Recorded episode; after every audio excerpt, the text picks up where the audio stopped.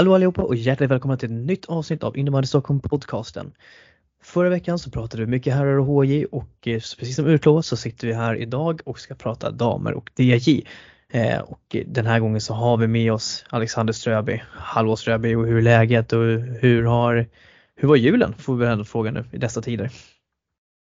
Ja, men tack Henke, kul att vara tillbaka. Eh, men julen var bra. Eh, vi, vi hängde och flängde lite överallt. Vi åkte Haninge, Huddinge, Trånkan. Vi, vi flängde hela julen faktiskt. Men eh, det är väl typ det man ska göra. Man ska vara med alla familjer och det, det var ju det vi gjorde. Så. Det var bara skönt. Ja, men fick du några fina julklappar då? Jo då, men vi har mycket att se fram emot nu. Upplevelser och eh, middagar och liknande som man får i, i julklapp. Man har ju gått förbi den åldern när man får massa leksaker tyvärr.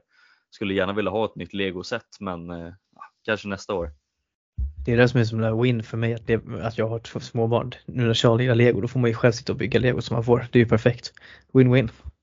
Ja, jag kanske borde skaffa en knodd jag själv då så får jag leka lite. Ja, frågan är, har du fått en, har du fått en taktiktavla signerad av Micke Öhman än? Eh, nej, jag ska nog fan fråga om jag kan få en trasig till nyår. Ja, du ser, du kan det där med förutsättningarna. Eh, ja, nej men Ströby, du har ju gnetat igenom alla tre timmar som var på förra avsnittet så att eh, då är du bekväm med upplägget och för våra lyssnare så tänker jag att jag repeterar upplägget då, då. Och då är det som så här att vi kommer först att prata damallsvenskarna östra. Vi kommer att gå igenom eh, placeringarna och hur vi har tippat och se vem som fick lite flest rätt och vem som är mest ute och, och eh, simmar. Sen efter det så går vi in på damettan och sen följt av djas C och D. Och efter det så kommer vi ha Viktor Johansson med oss som är till vardags tränare i Täby FCs DJ-trupp. Och eh, så att ja, det ska bli spännande eller vad säger du Ströbe, är du redo att åka på det här? Nu kör vi! Ja, det låter bra. Och vi startar med damallsvenskan Östra.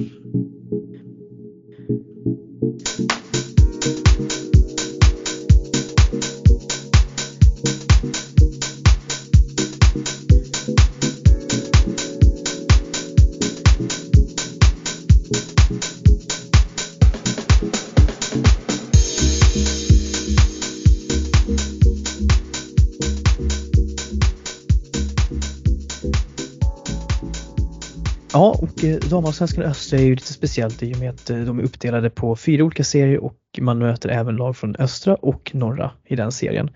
Och eh, ja, det, vi får liksom ta det som det är men vi börjar längst ner i tabellen. De har ju hunnit att spela 12 matcher redan i år, eller det är ganska precis som här allsvenskan. Hagunda ligger sist tror vi, som vi båda tippar på förhand. Eh, hur, eh, ja, svårt att säga, vad säger man Hagunda egentligen? En vinst bara i år men det känns som att det är det här unga laget som vi pratade om på förhand och de har haft svårt att ta vinster.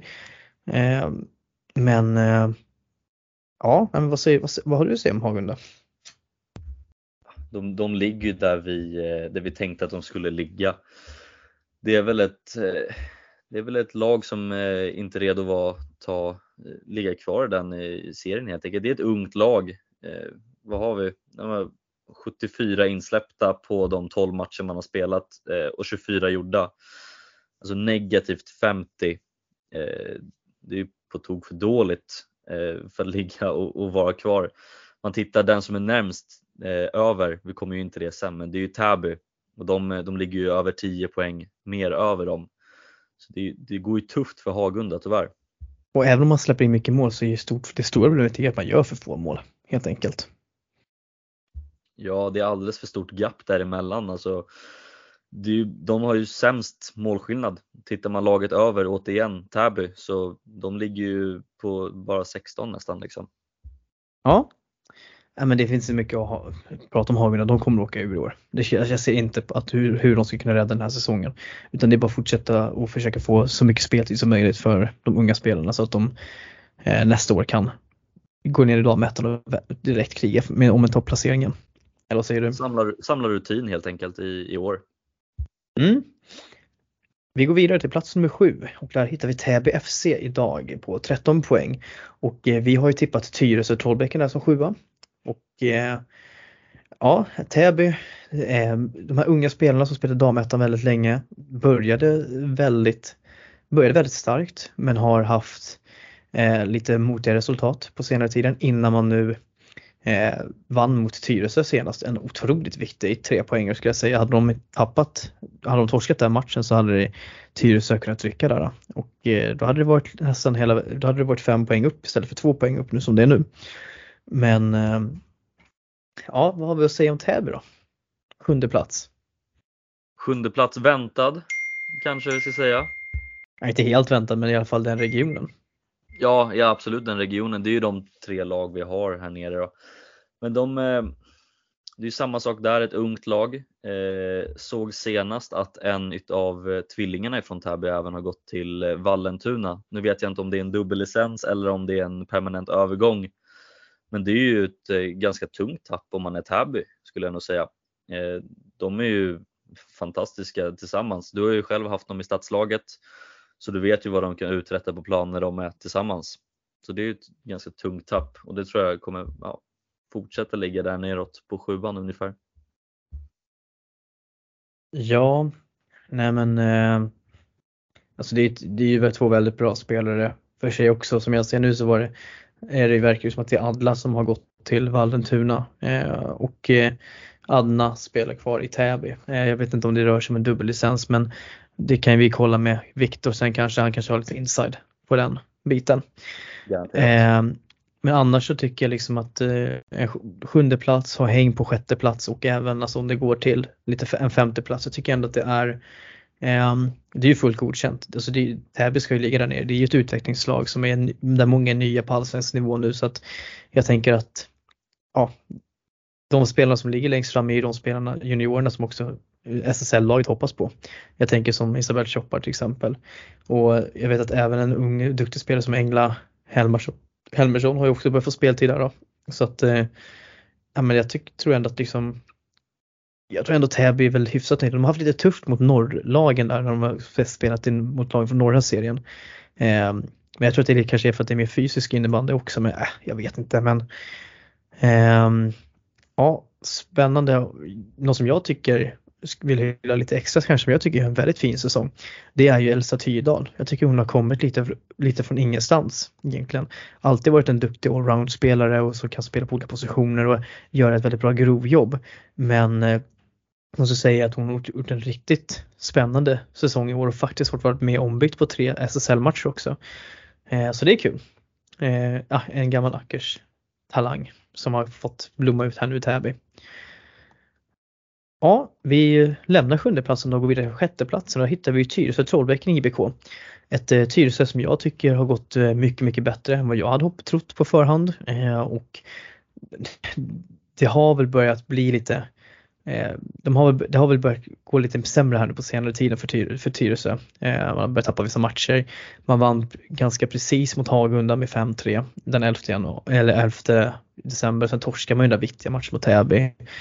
Och mm, verkligheten kanske börjar komma ikapp Tyresö lite som hade en väldigt fin säsongsinledning måste man ju ändå säga. Eller vad har du att säga om eh, Tyresö Ströby? Mm, ja, men man kan ju hittills dela in eh, TTS eh, säsong i två delar hittills skulle jag säga. Startar fantastiskt, börjar jättebra. Sen eh, går resultaten lite emot den och så motas man neråt lite i tabellen. Eh, det jag gillar absolut mest med Tyresö det är att de, eh, de slussar in unga spelare. Eh, att de, att de verkligen kör på den idén och det upplägget man har. Våga ta upp dem, våga ge dem träning och speltid. Men jag tror alltså Täby kommer väl ligga kvar där omkring i mittenskälket. Kommer nog inte gå ner. Jag tror absolut de kommer komma med på uppsving. Sen vet jag inte riktigt. Norra lagen är ju, har ju hittills varit ganska svåra att förutse vad de, vad de ska komma med. Vissa lag kommer ju och kör rakt av östra lagen och vissa lag ställer in skorna innan man ens har klivit på bussen känns det som. Så det, jag tror Tyresö kommer fortsätta plocka poäng på det måste-matcherna man behöver nu efter lite julbreak, lite julbord och liknande. Ja, men jag tycker att Tyresö är väldigt beroende av Nathalie Örn och hennes rutin att hon stänger igen kassan där bak. Hon är ju en fantastiskt duktig målvakt och är viktig. Anna Jansmark är inte dålig heller, heller när hon väl får stå utan det är också, där tycker jag man är, jag har kanske seriens bästa målvaktspar om jag ska vara helt ärlig. Men eh, sen så märker jag liksom, det är precis som du säger, de fokuserar väldigt mycket på unga spelare. Eh, Kelly har ju varit, Tonnert har ju varit ett tydligt inslag hela säsongen. Men nu har man börjat lyfta upp lite spelare från Sköndal via sin dubbellicens. Jag tänker på Tia Ernberg som representerade Stockholms distriktslag här nu för 05 erna Tintin Johansson eh, som är 04. Eh, man har ju sedan tidigare de egna produkterna, Rebecka Johansson och Vera Eriksson. Eh, några andra duktiga spelare som kom från Huddinge. Agnes Mokvist till exempel, Ida Petrén Lantz, alltså det finns, jag kan sitta och rabbla massa namn men det här är ju ett lag som ändå satsar lite på framtiden och försöker att få eh, att de ska lära sig så mycket de kan utav de här äldre spelarna som ändå är kvar i truppen. Eh, Alma Seger också en annan talang i Tyresö som fick, har fått debutera i A-laget senaste tiden så att jag tycker att eh, Tyresö jobbar bra och, och på ett sunt sätt med framtid. Men jag tror fortfarande att Täby kommer att kliva om dem i slutändan och att, tips, att det kommer bli Tyresö på sjunde plats och Täby på sjätte. Men jag tror däremot att Tyresö kan klara sig kvar genom kvalet. Eh, definitivt. Um, har du något mer du vill säga om Tyresö Ströby eller ska vi gå vidare till femteplatsen? Nej men jag känner vi har dammat av TT ganska bra tycker jag. Det, det jag vill bara tillägga där det är ju de här dubbel spelarna man har med Sköndal. Att det är riktigt kul att se dem få, få kliva upp och ta lite plats i, i TT-laget. Det, det var ett samarbete som jag varit lite chockad över och nu ser att det, det verkligen funkar och blomstrar och det är ju riktigt kul att se hur en mm. förening som TT jobbar med en lite mindre förening kanske man ska kalla Sköndalen då. Ja, men precis. Men eh, vi går vidare till eh, femte plats och eh, där hittar vi till vardags Storvreta IBK.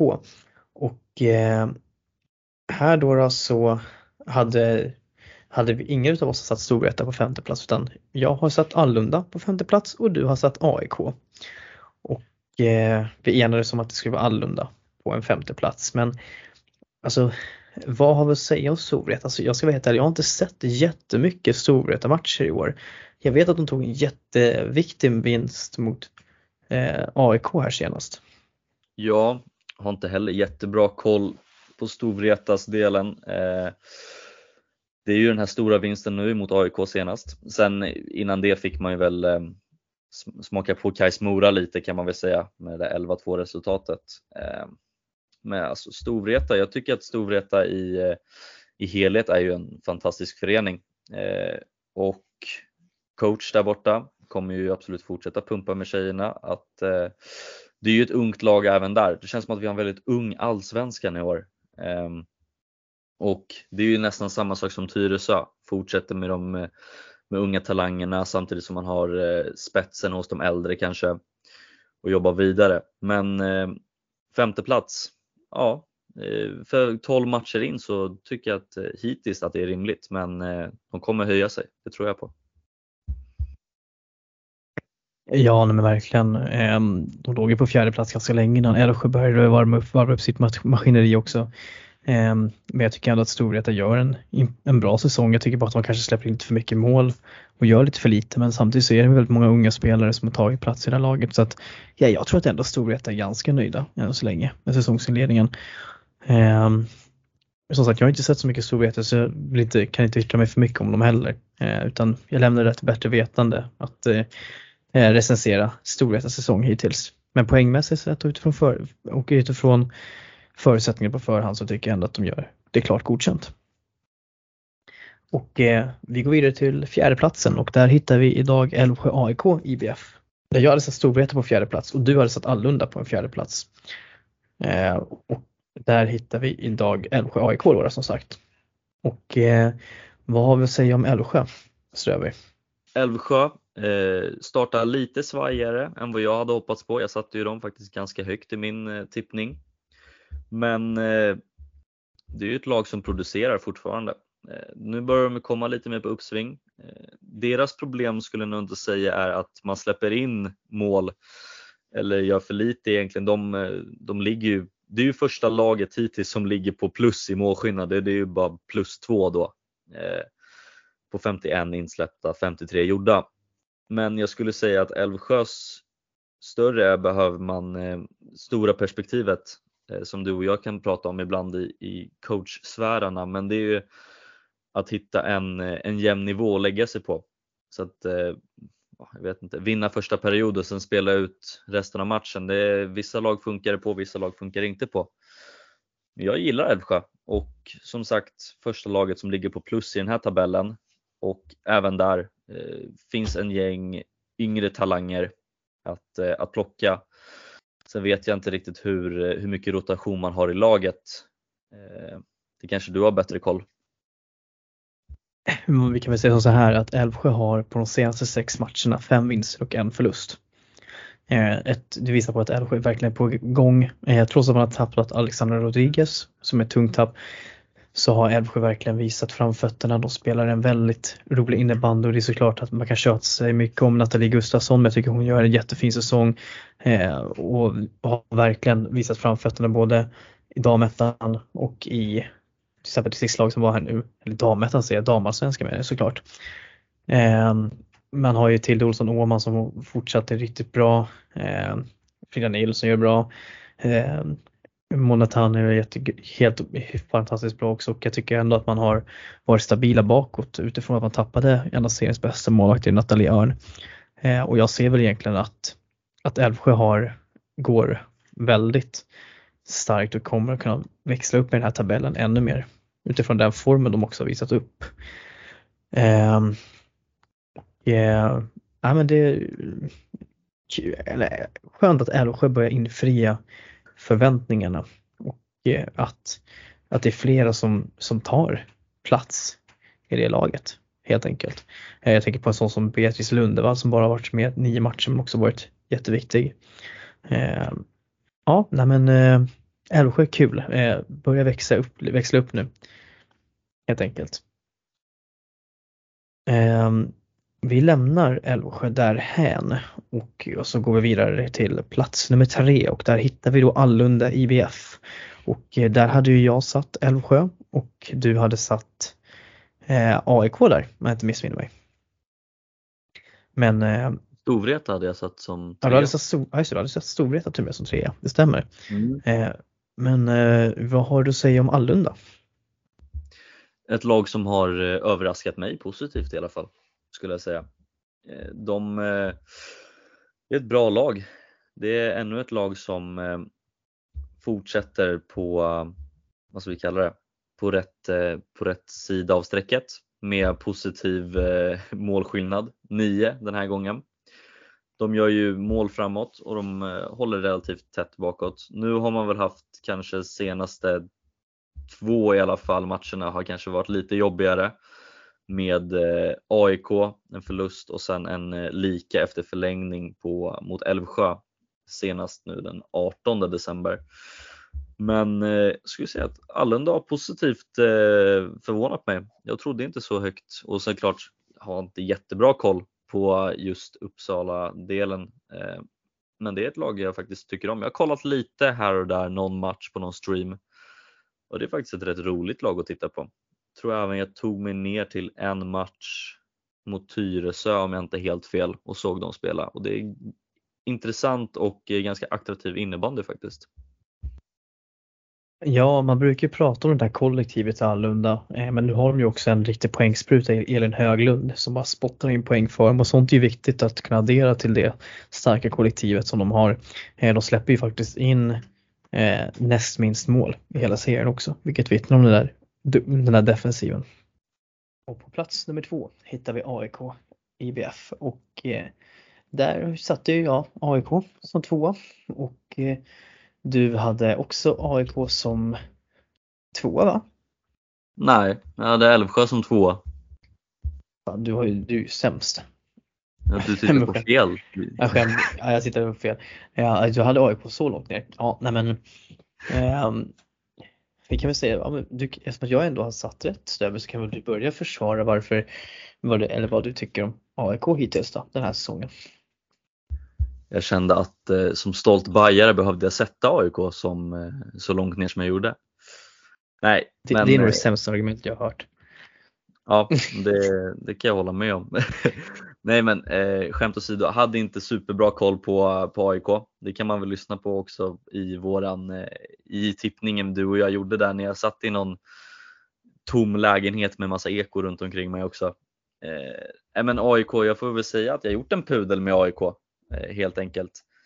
De, eh, de fortsätter, fortsätter, fortsätter att producera poäng och bevisa mig fel. Kanske var lite tändvätska att sätta dem så långt ner ändå. Kanske var lite smart tänkt från min sida. Men eh, AIK gör ju exakt det AIK ska behöva göra. Eh, och så har de ju Josefin Strid som eh, fortsätter att eh, ösa in poäng för det AIK-laget. Ja framförallt inte ens poäng men alltså mål. 21 mål hittills, det är galet. Alltså det är nästan i snitt två mål per match. Ja 21 mål och 6 assister. Eh, lite utvisningspoäng där också va? Ja, grinigt. Riktigt, eh, riktigt grinigt. Kanske är lite brunkmål framför kassen så blir en tvåa efter. Ja, det får vi väl lämna osagt. Det får man väl själv eh, säga vad det där är för något. Nej, men eh, det man kan säga om AIK är som sagt att de har fortsatt på inslagen väg från förra året. Alltså en jättefin offensiv. Eh, ja, men släpper vissa mål bakåt men man har, trygg, man har trygga sista utposter där i Cecilia Fredriksson och Emelie Ronsjö när hon väl spelar också. Eh, det är ju faktiskt det lag som har släppt in tredje minst mål i serien och eh, eh jag ser verkligen att eh, AIK är ett lag eh, som jag tror de kommer hålla den där andra platsen eh, hårt för att eh, de, det som man slås av är hur de, deras produktion är utspridd. Hur de har lyckats sätta sina värvningar bra. En spelare som Loa Westlin som är liksom eh, 05 eh, gör jättebra ifrån sig. Vi har eh, vad heter Johanna Turesson som kommer från BL med sin allsvenska rutin bidrar också säkert jättemycket med sin trupp. Men sen har man ju de här spelarna som man lutar sig mot som Ida Örnqvist till exempel och Josefin Strid är ju jättebra. Nu går syrran Emma Strid till Hässelby men alltså nej, jag, jag tycker AIK har ett jättebra lag, eh, offensivt duktiga spelare som Linn Skottet och eh, Tia Arvidsson till exempel också lyfter sig, Alva Idestål, alltså det är de här spelare som de får speltid och ja, men gör det bra. Eh, och vi går vidare till första platsen och då har vi Kais Mora IF. Och eh, där är det inte så mycket att snacka om. Eh, de är helt överlägsna. Eh, inga eh, vunnit alla sina matcher, bara en utav dem var på, i sadden. Men annars så är det ju eh, det, de är ju seriesuveräna helt enkelt. Har du någonting som, eh, vad säger vi om Mora Ströby? Ja, ska vi avslöja att eh, de kommer gå upp eller? Det, kan, kan, man ja, redan slå fast det tror du? Ja, det, det kan vi nog slå fast, slå fast tror jag. Ja, jag känner att det, det är ganska rimligt att slå fast det redan nu. Men Kais Mora, vad ska man säga egentligen? Alltså det, har man inte dem som etta så bör man fundera på om man är i rätt sport. Kollar man på volleyboll eller innebandy. Ja. De, de har ju inte ens en förlust. De har minst insläppta, flest framåt. Eh, det är ett lag som bara, de bara kör som tåget. Eh, det är väl egentligen inte många lag som kommer stå emot dem. Eh, det, kvalet ska ju bli absolut roligast att se med Mora. Hur, eh, hur de tar sig framåt där också. Vilka lag man får i ett kval till exempel. Det är det roligaste att se fram emot hittills tycker jag just nu. Ja, ja men precis. Ja, nej men eh, grymt. Då lämnar vi damallsvenskan östra. Vi tror helt enkelt att eh, eh vi ser att Mora och AIK behåller sina positioner. Eh, vi ser att Storvreta och Hallunda kan kastas om. Eh, vi ser att Täby Tyresö också kan kastas om. Eh, men att Hagunda är satta längst ner och kommer att åka ut. Eh, det slår vi fast helt enkelt och så lämnar vi eh, damallsvenskan nu. Och tar en paus.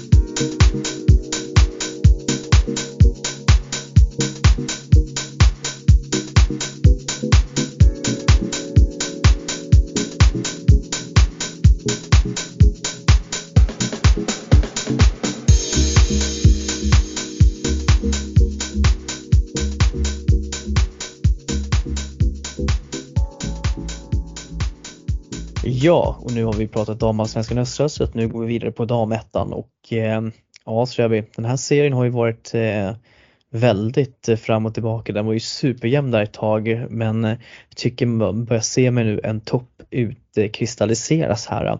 Men vi ska såklart i sedvanlig ordning börja längst nerifrån och då börjar vi med plats nummer 12, Djurgårdens IF IBS som då har fem inspelade poäng Eh, nej, inte ens det, de har tre inspelade poäng, gjort 31 mål, vilket är minst i serien, ganska överlägset minst. Eh, och släppt in 70 mål. Eh, och eh, Djurgårdens IF har spelat, ja, som jag har förstått och det som jag sett, spelat mycket bättre än vad kanske deras poäng gör rättvisa. Man har några tuffa uddamålsförluster här och där. Eh, men eh, ja, Ströby, vad har du att säga om Djurgården? Du satt ju ändå ganska högt. Eh, ja, jo jag satte ju dem, eh, minns inte riktigt exakt positionerna, men jag satte dem högt, det gjorde jag absolut. Eh, det var också lite av att inte ha stenkoll på vilket lag man skulle komma med. Eh, men de, eh, de ligger ju 12 det gör de ju. Eh, ja, egentligen, alltså det verkar ju vara, det, de verkar ju ha det tuffare än andra lag, eh, som du säger med uddamålsförlusterna som de ligger inne på.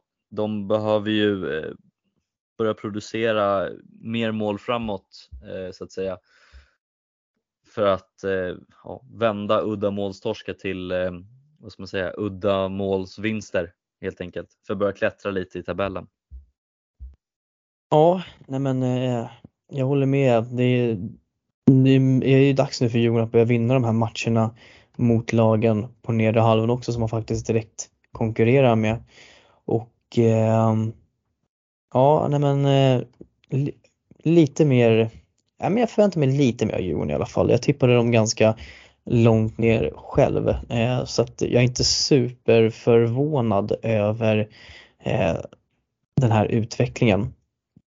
Men eh, nog ska man, tror jag, allt att de har potential att kunna kliva upp, men det är bara tre poäng upp till Nacka.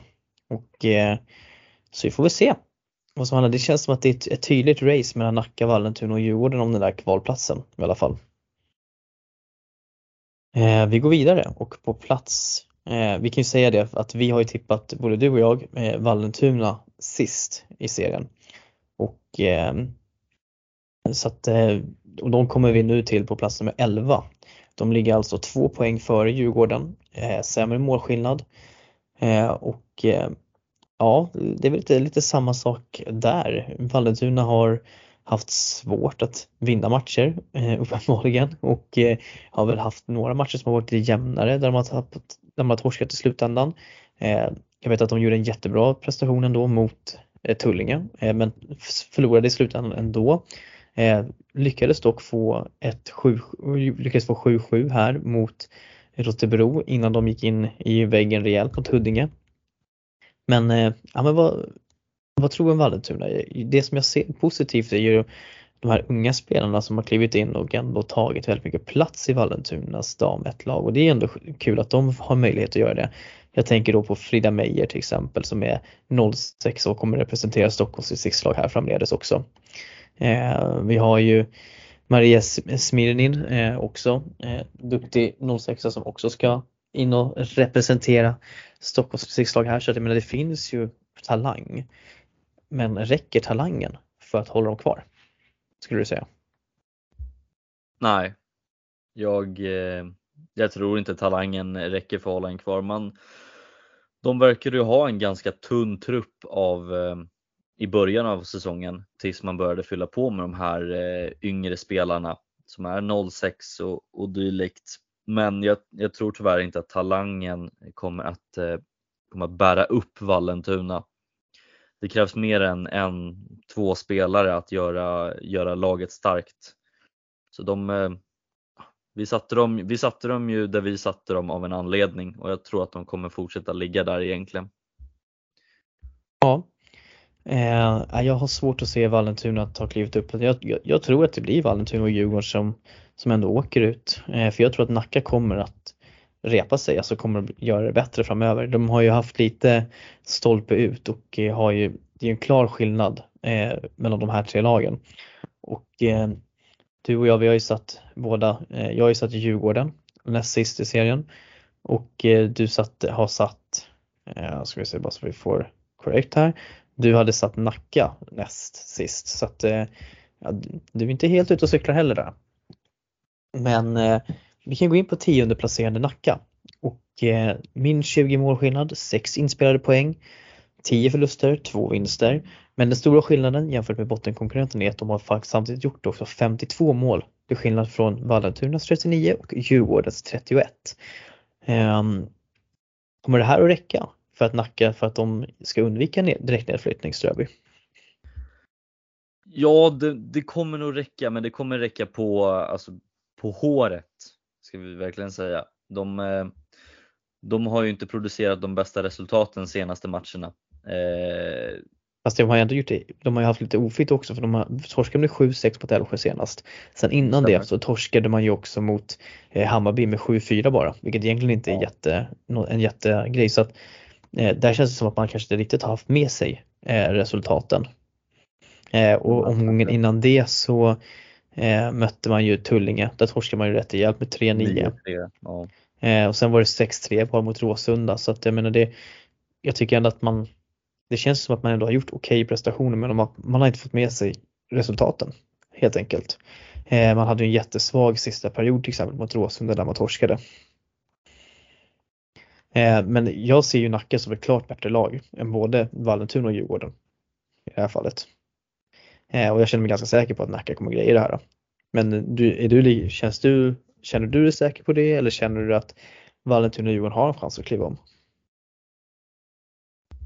Jag skulle nog säga att jag tror inte att Djurgården och Vallentuna kommer att eh, kommer gå om Nacka, men jag tror att eh, Nacka måste, måste bli starkare i spelet eh, för, att det ska, för att den här hårtunna linjen ska försvinna ifrån dem. Så att de faktiskt börjar ta de här poängen som är verkligen behövliga. För att, ja det känns som att det, Nacka har ju alltid spelat på samma sätt. Det känns som att folk, men tidigare så har det varit så här med Nacka att trots att man vet hur de ska spela så är de så jäkla svåra att få tag på. Men ändå så, men det känns som att i år så har de blivit totalt synade på det. Ja, det, man kanske behövde några säsonger för att läsa hur Nacka faktiskt spelar innebandy. Ja, vi får väl se. Men eh, vi lämnar Nacka där så går vi in på plats nummer nio. Vi kanske ska säga också att eh, i vår tippning så har vi, hade jag lagt eh, Älvsjö som tia och du har lagt Sköndal som tia. Eh, så att ingen av oss har fått in Nacka där. Du var ju närmast än så länge. Men om vi går till plats nummer 9 så hittar vi Rotebro IS IBK där. Eh, på 13 poäng, det vill säga hela 7 poäng före Nacka som är på tionde plats. Eh, ett Rotebro som har släppt in mest mål i hela serien men ändå gjort 63 mål vilket ändå är helt okej. Okay. Det är faktiskt överkant i serien om man ska vara helt ärlig. Och eh, hade en väldigt tuff inledning men som har börjat varva upp mycket mer här nu på, på slutet. Får man ändå säga. Även om den där 7-7 matchen mot Vallentuna såklart var ett snedsteg och att man sen åkte på torsk mot Råsunda, det är ju ingenting att skämmas över. Men innan dess så hade Rotebro ändå en ganska bra trend och man har ju Miranda Nilsson som gör en jättefin säsong. Eh, ligger högt i poängligan, man har Sandra lite sen också. De här två bär ju Rotebro ganska rejält här nu. Men det är ju försvarsspelet som liksom inte riktigt funkar. Eh, jag vet, vad tror du att det kan bero på? Jag tror att det kan bero på att man kanske förlitar sig lite för mycket på de två tyngre spelarna. Att eh, de kanske löser problemen. Nu, eh, som du säger, de har ju gjort mer mål än eh, till exempel Hässelby som ligger högre upp i tabellen. Men de har ju släppt in mest mål avsevärt i hela tabellen också. Så det, jag, tror att man måste börja fokusera, kanske fokusera lite mer på försvarsspelet på träningen redan, eh, redan nu när man kliver in i hallen för att börja stänga igen de ganska stora luckor man har i sitt försvarsspel. Mm. Ja, nej men eh, jag ska säga så här, offensiven sitter, får bara till sitt försvarsspel och kanske att målvakterna, målvaktsspelet behöver, behöver bli lite bättre. Så tror jag att det finns alla förutsättningar att eh, ta ett kliv upp. Eh, som sagt, eh, de har ju med sig att de hade en tuff start och repade sig ändå ganska väl så att eh, ja men eh, det är bara att skicka med till Mårten Rotebro eh, att eh, gaska upp försvaret lite så kommer det här ändå eh, komma högre upp. För att eh, jag satte Rotebro högt och jag gjorde det av en anledning och det var inte för att jag trodde att försvarsspelet skulle vara det som eh, brast utan jag trodde kanske att det var mer den offensiva biten som inte skulle klaffa riktigt. Så att eh, ja, det, det, kan, där kan man verkligen fundera kring eh, varför det blev sådär helt enkelt.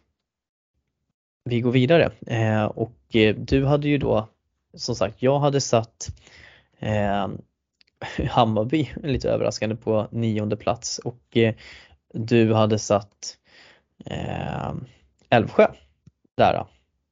Så att eh, ja Ströby, vi får väl säga att vi, vi har väl missbedömt Rotebro lite då ändå. Får vi säga. Du ligger ju närmare dem, närmare vad jag gör. Ja, men vi, vi gjorde en missbedömning helt klart. Eh, även om jag ligger närmst så, så såg jag kanske lite mellan fingrarna på det mesta. Ja, nej men precis.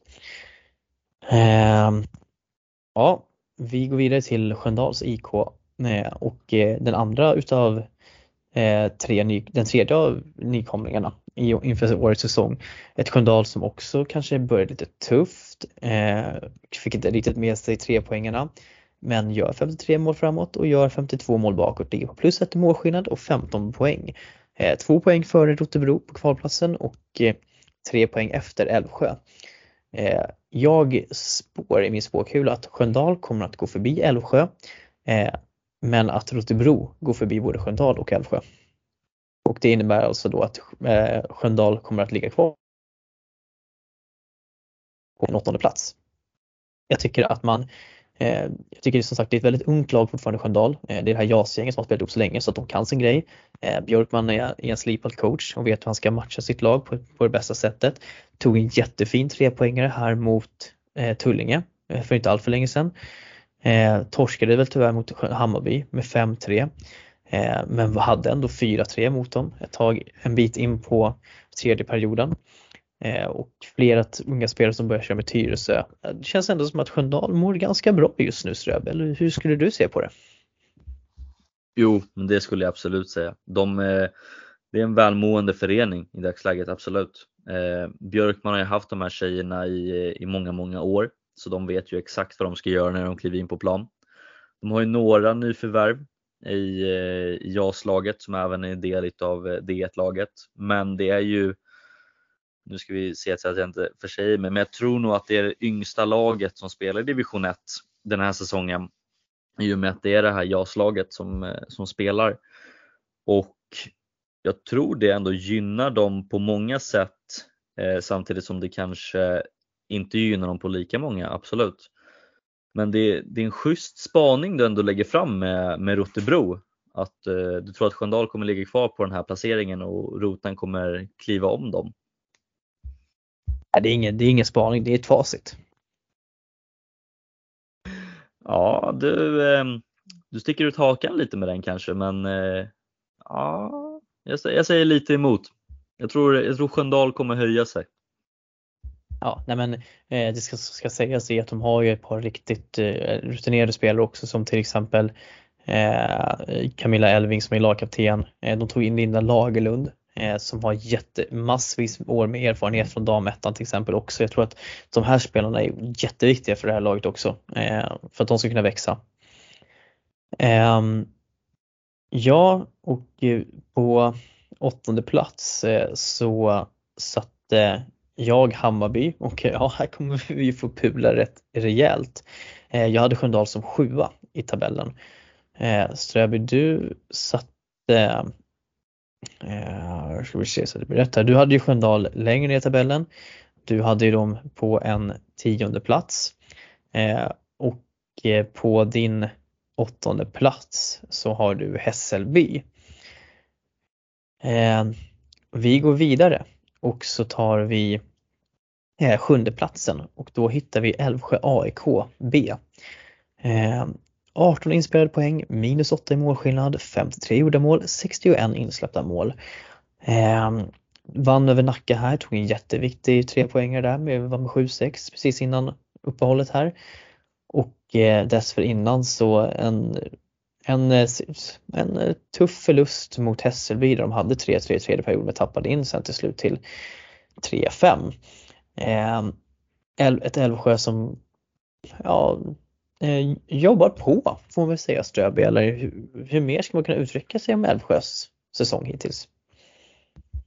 Jo men de jobbar på, absolut. Det är, en, eh, det är ett bra lag skulle jag absolut säga. Det är ett väldigt spritt lag skulle jag säga. Eh, många andra lag i den här serien kan man se ganska tydligt samarbete mellan kanske juniorer och eh, damlaget. Jag tror Älvsjö B är nog det lag som är mest spritt känns det som. Ehm, och nu om jag inte missminner mig så är det ju fortfarande Åsa som är coach i det laget. Mm. Som har haft många av de här tjejerna känns det som i några år. Eh, vi hittar ju till exempel Gustavsson i det här laget också. Olivia ja. Ja, Olivia precis, inte Nathalie. Som har haft redan sedan eh, Farsta-tiden till och med. Så det, jag tror Älvsjö kommer fortsätta att tuffa på och ge bra motstånd till de lag som kommer till, eh, till ja, handbollshallen som jag kallar den för. Mm. Eh, men jag tror de kommer fortsätta tuffa i den här serien, eh, kanske ta något kliv upp, men de ligger ganska bra i mitten schalket. Ja, nej men eh, jag eh, tycker att det som jag tycker är roligast med Älvsjö är den här mixen de har utav unga spelare och eh, de här lite rutinerade spelare. Jag tycker till exempel Anna Ringström, kanske inte gör lika mycket poäng i år som hon brukar göra så är hon en enormt viktig spelare på backen i sättet som hon driver spelet, startar anfall och framförallt hon klarar de pressade situationerna. Sen så är ju, har man ju duktiga unga spelare som Olivia Gustafsson och Hanna Englund som ska göra mycket av det offensiva. Men det är ändå fortfarande eh, Elina Liv som leder interna poängligan på 18 poäng och eh, hon är ju hyfsat bra och har en hel del allsvensk rutin så att eh, eh, det är kul att hon går i bräschen. Eh, sen så tycker jag till exempel att en spelare som Alva Lydig som, Lydig som är ny från Sundbyberg eh, gör också en jättefin säsong. Eh, jobbar mycket i det dolda och kanske inte är en stor poängspelare men rejäl grovjobbare. Eh, och sen Vendela Blomgren som gör en jättefin säsong generellt tycker jag både på DJ och i damettan och eh, jag tycker Älvsjö det är ett välbalanserat lag får jag ändå ta och säga. Eh, och det, jag ser inte för osannolikt att de börjar klättra uppåt om de bara får lite ordning på sin taskiga målskillnad där och slutar släppa in så mycket mål. Eh, ja, vi kollar lite då hur tipset såg ut och då hade, du, hade jag satt på en eh, ska vi se, en sjunde plats hade jag satt Nacka IBK och eh, ja, men där var, är man lite borta eh, en bit ifrån. Och eh, du Ströby hade då satt Rotebro på sjunde plats så att du vill, ja men du var lite mer ut, kanske rätt ut än vad jag var där. Helt enkelt, vi båda satt Älvsjö lite längre ner i tabellen så att eh, vi får verkligen säga att Älvsjö har motbevisat oss lite här, eller hur? Absolut, de, eh, de visar oss att eh, vi kan ha fel också. Ja precis. Eh, Sen om vi går vidare då så har vi på plats nummer 6 och då har vi ju eh, eh, FBI Tullinge och, eh, och började säsongen väldigt bra men har haft ganska tuffa resultat mot sig. Man vann mot Djurgården här nu senast så det var ju bra det. Men den här torsken mot Sköndal, eh, den svider och eh, det har varit väldigt upp och ner i prestationerna ska sägas och eh, det finns lite olika anledningar till att det har sett ut som det har gjort. Men det är klart att jag hade förväntat mig mycket mer utav Tullinge eh, den här säsongen än vad som visats. Framförallt så att jag hade förväntat mig mer stabilitet. Eh, man vinner vissa matcher som man, och tar poäng i vissa matcher som man inte hade räknat med men samtidigt förlorar man och tappar poäng i matcher som man absolut inte eh, ska göra det i. Eh, till exempel Älvsjö AIK ska man, tycker att man ska slå på pappret. Jag tycker att man ska slå. Eh, Sköndal också. Eh, ingenting mot de lagen. Eh, men ja men eh, Hässelby har ju värvat friskt så att det är väl ingen jättegrej med att torska mot dem. Men jag tycker på hemmaplan i Tullingehallen så borde man kunna gjort det bättre. Eh, så att nej, men det finns ett par, jag tycker man hade, det har gått tungt senaste tiden så det var en viktig vinst att komma tillbaka men eh, Ja, men vad har du att säga om Tullinge, eh, Ströby? Jag kan gå på länge om det här men Ja, man, man, ska väl korta ner det man säger absolut. Men jag tror både du och jag hade ju högre förväntningar av, eh, av Tullinge, av FBI Tullinge som jag kallar dem så fint. Agenterna där borta i Botkyrka. Men jag, eh, jag håller med dig mycket det du säger. Du sitter på lite mer inside info gällande så jag litar ju fullt i det du säger i, eh, i allting i Tullingehallarna så att säga. Och, men jag, jag tror hittills att de är eh, besvikelse, absolut. utav vad de har presterat. Men eh, de kommer framåt tror jag. Jag tror de kommer framåt. Ja, men det är, jag tror att det kommer att släppa till slut. Man, har, man är för bra för att, för att ligga där nere men jag tror att just nu så handlar det bara om att göra bra prestationer i varje match liksom och börja bygga för, det är fortfarande ett lag för framtiden det här ska sägas. Eh, ja, och eh, på, ska vi kolla lite tippningar också hur vi hade satt där och på sjätte platsen så har jag satt eh, Ja, där satte, satte jag vad fan är jag satt? Jag satte Rotebro IBK. Eh, ja, där, Rotan ser ut som va? Ja, och eh, du satte Rotebro där också. Så att eh, ja. Ströby, eh, vi, vi får väl se om Rotebro kan ta sig upp så långt då till slut. Men eh, vi har ju båda satt Tullinge betydligt högre upp i tabellen så att där får vi ändå säga att, att utifrån vad vi har trott på förhand så är väl Tullinge i så fall årets besvikelse ändå. Ja, årets besvikelse och eh, Rotebro kommer bli årets eh, succé när de kliver upp på, eh, på sjätteplatsen. Eh, ja, nej precis. eh, vi går vidare till femteplatsen och där hittar vi då Hässelby SK. Eh, jag har satt Hässelby som, som femma eh, och eh, det här är ju ett lag som har värvat väldigt, väldigt friskt inför den här säsongen. De fick ju en, en gratisplats upp till damettan och eftersom att de åkte ut förra året och har ju använt den på bästa sätt får vi säga. Väldigt mycket värvningar. Veronica Jansson kom tillbaka här nyligen och det är ju supervärvning för den här nivån. Jag är lite orolig dock för vad som händer med deras yngre spelare. Eh, jag hör rykten om att det är spelare som är på väg bort till exempel och ehm, ja, kanske har värvat lite för mycket men resultatmässigt Ströby så får man väl säga att de gör en väldigt bra säsong. Ja, det, det får vi väl säga minns inte jag exakt vart jag satte Hässelby på min tippning, men eh, jag kan hålla med om att eh, Hässelby ligger rätt bra där på femteplatsen. Eh, och jag vet att du har någon i några i det laget som du har haft lite bättre bevakning på i Hässelby. Du har ju till exempel haft Amanda Hanell eh, i stadslaget och jag har haft henne i Vändelsö. Det är ju ett, eh, en riktigt bra spelare faktiskt och eh, jag hoppas man kan knyta an med henne i alla fall kvar i Hässelby eh, och inte det för hon kommer hjälpa Hässelby med tiden, absolut. Ja, nej men eh, det som jag framförallt eh, tänker på och slås utav är ju att man har ju satt rätt på sina nyförvärv. De har klivit in, de har levererat. Jag tänkte som senast när de mötte Bele så klev Daniel Engström fram också, eh, ny från Älvsjö. Eh, man har tagit in Emma Strid nu också eh, med sin erfarenhet från både Endre och Telge och nu senast AIK. Eh, man har ju sen också spelare, spelare som till exempel Eh, Julia Rönnberg som får lite speltid här och där.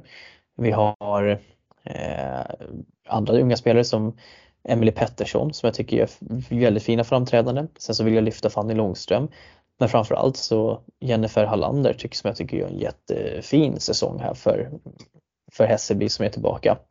Så att eh, nej men jag, det känns som att Pontus Lindblom i båset där har koll på, på bitarna. Helt enkelt. Eh, ja, vi tuggar vidare och eh, då hittar vi på en fjärde plats så hittar vi Bele Barkarby IF IBF och eh, den här har jag också satt eh, rätt och eh, det är jag nöjd med. Det är ett ungt lag och eh, de är där de förväntas vara helt enkelt eh, utifrån den aspekten. De tappar vissa matcher i slutet som Hässelby, de har ledning med 3-1, tappar till 4-3 men det, det är sånt som händer när laget i huvudsak består av juniorer.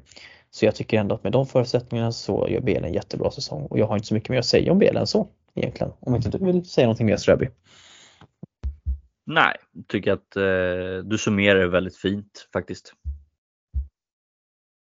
Ja, vi går vidare till Råsunda IS och eh, jag har tippat Råsunda eh, två på förhand och de ligger trea och har ju alla möjligheter såklart att gå om. Eh, nu tror jag kanske inte att det händer. De tappade ju Moa Delshammar nu till Täby och hon stod för en ganska stor del av den offensiva produktionen. Eh, man vet ju aldrig riktigt vad Råsunda kommer med men det är ju att laget är bra, det är odiskutabelt. De släpper ju in minst mål i serien till exempel tillsammans med Tullinge. Så att eh, Ja, nej men eh, Råsunda lär väl ligga topp tre i alla fall, eller vad tror du, vad tror du Ströby? Jo, topp tre är väl eh, perfekt för Råsunda. Eh, det är ju ett lag som har i alla år legat i framkant och eh, nu kanske man känner att ah, vi kan ligga på en tredje plats. Det känns som att de är ett lag som egentligen skulle kunna klättra eller gå neråt om de känner för det. Ja, jag tänker på tvåa så hittar vi seriefavoriten Huddinge IBS som hade, hade lite konstiga resultat i början av säsongen men som verkligen har hittat sitt stäm nu. Eh, öser in mål, 90 gjorda mål, det är överlägset mest i serien. 45 insläppta vilket ger dem en andra plats i antalet insläppta mål. Eh, och det här är ju din förening så att jag tänker väl att du kan väl få berätta vad, är, vad har du att säga om Huddinges säsong? Ja, fina fina Hibs. Nej men eh, 90 mål framåt, det kan vi ju säga, det är ju stor förtjänst till eh, Dennis och Eh, till Liljas idé om att köra skottträning i, jag vet inte hur länge de har kört skottträning nu. De var väl lite missnöjda med att man sköt lite för mycket utanför. Så de har väl kört mycket skott och det har resulterat. Eh, men jag, eh, Huddinge på andra plats, ja, de hade kunnat lägga på första plats om inte första platsen nu är vilka de än är. Men eh, Huddinge går som ett kollektiv framåt faktiskt. Eh, Hel, en större del av eh, dam, damettan är ju eh, med hjälp av JAS-laget. Det är ju eh, det är erfarenhet åt de yngre tjejerna som var med i Allsvenskan i förra säsongen. De är ju kvar och kör och det är ju ett, ett väldigt bra lag ska vi säga. Alltså de håller tätt bakåt i en otrolig målvakt också med ett väldigt bra försvarsspel och med en tydlig plan framåt också. Så jag, andra plats, ja det får duga för de här 12 matcherna som är inåt men eh, första platsen kommer nog knipas förhoppningsvis. Eh, tack för det Ströby. Jag tänker att du kan väl fortsätta att eh, gå in på det som ligger etta, det vill säga Hammarby IF IBF. Ett lag som vi inte trodde skulle vara så här ute på tabellen men som verkligen har motbevisat oss otroligt mycket här. Vad, vad har du att säga om Hammarby? Vi har mycket att säga Hammarby tror jag, men vi ska nog inte säga allt. Men det är ju ett lag som både du och jag satte längre ner i våran tippning. Eh, nu ja, framförallt jag. Framförallt du. Eh, men eh, jag satte dem inte heller så mycket högre. Det är ett lag som går så bra framåt eh, och där har man mycket att tacka också målvaktsspelet ska vi också tillägga. De fick ju låna in Josefin Svensson ifrån Huddinge precis eh, efter att hon värvades in ifrån Vändelsö och hon har ju gjort fantastiskt ifrån sig i målet och jag ska säga att Hammarby framåt har ju tyngd på spelare, absolut. De håller sig otroligt bra defensivt. Ehm, sen kan vi säga också att förvärvningen av eh, Frida Svan som du och jag pratade lite om innan ehm, har ju varit ett eh, hjälpmedel för Hammarby, absolut. Men det är ett lag som i dagsläget eh, har bara två förluster. De ligger ju på 10, 10 vinster och jag ser eh, det är inte många lag som kan stanna dem. Det är lag som har stannat dem som kan på rak arm. Det är ju Hibs. Eh, det är ett otroligt bra lag i dagsläget.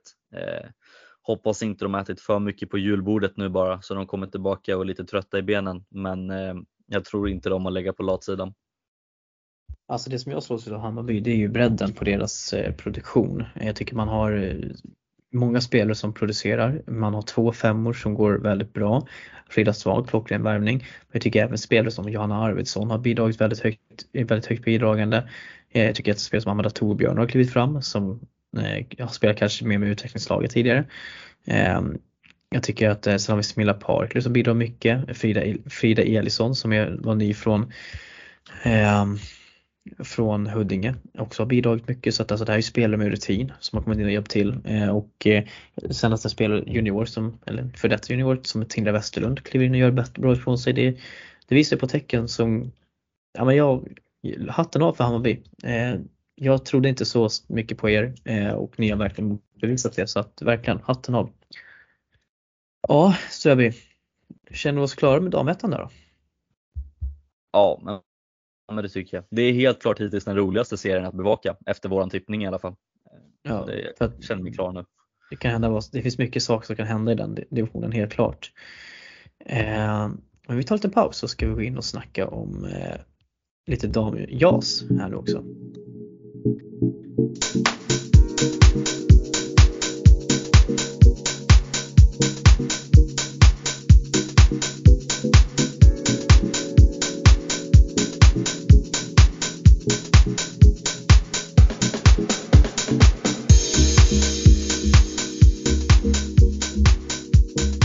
Ja, då har vi kommit till juniorallsvenskan D eh, som vi börjar med då vi kör juniorallsvenskan C i slutet eftersom vi har Viktor Johansson med oss från Täby. Eh, men vi börjar samma upplägg, vi börjar längst ner och då börjar vi med plats nummer 8 där vi hittar Älvsjö AIK IBF som har en vinst för säsongen eh, och den kom i skolådan Västertorp mot Tullinge. Eh, annars så är det här ett lag som gör för lite mål Eh, och som släppt in mest mål i serien.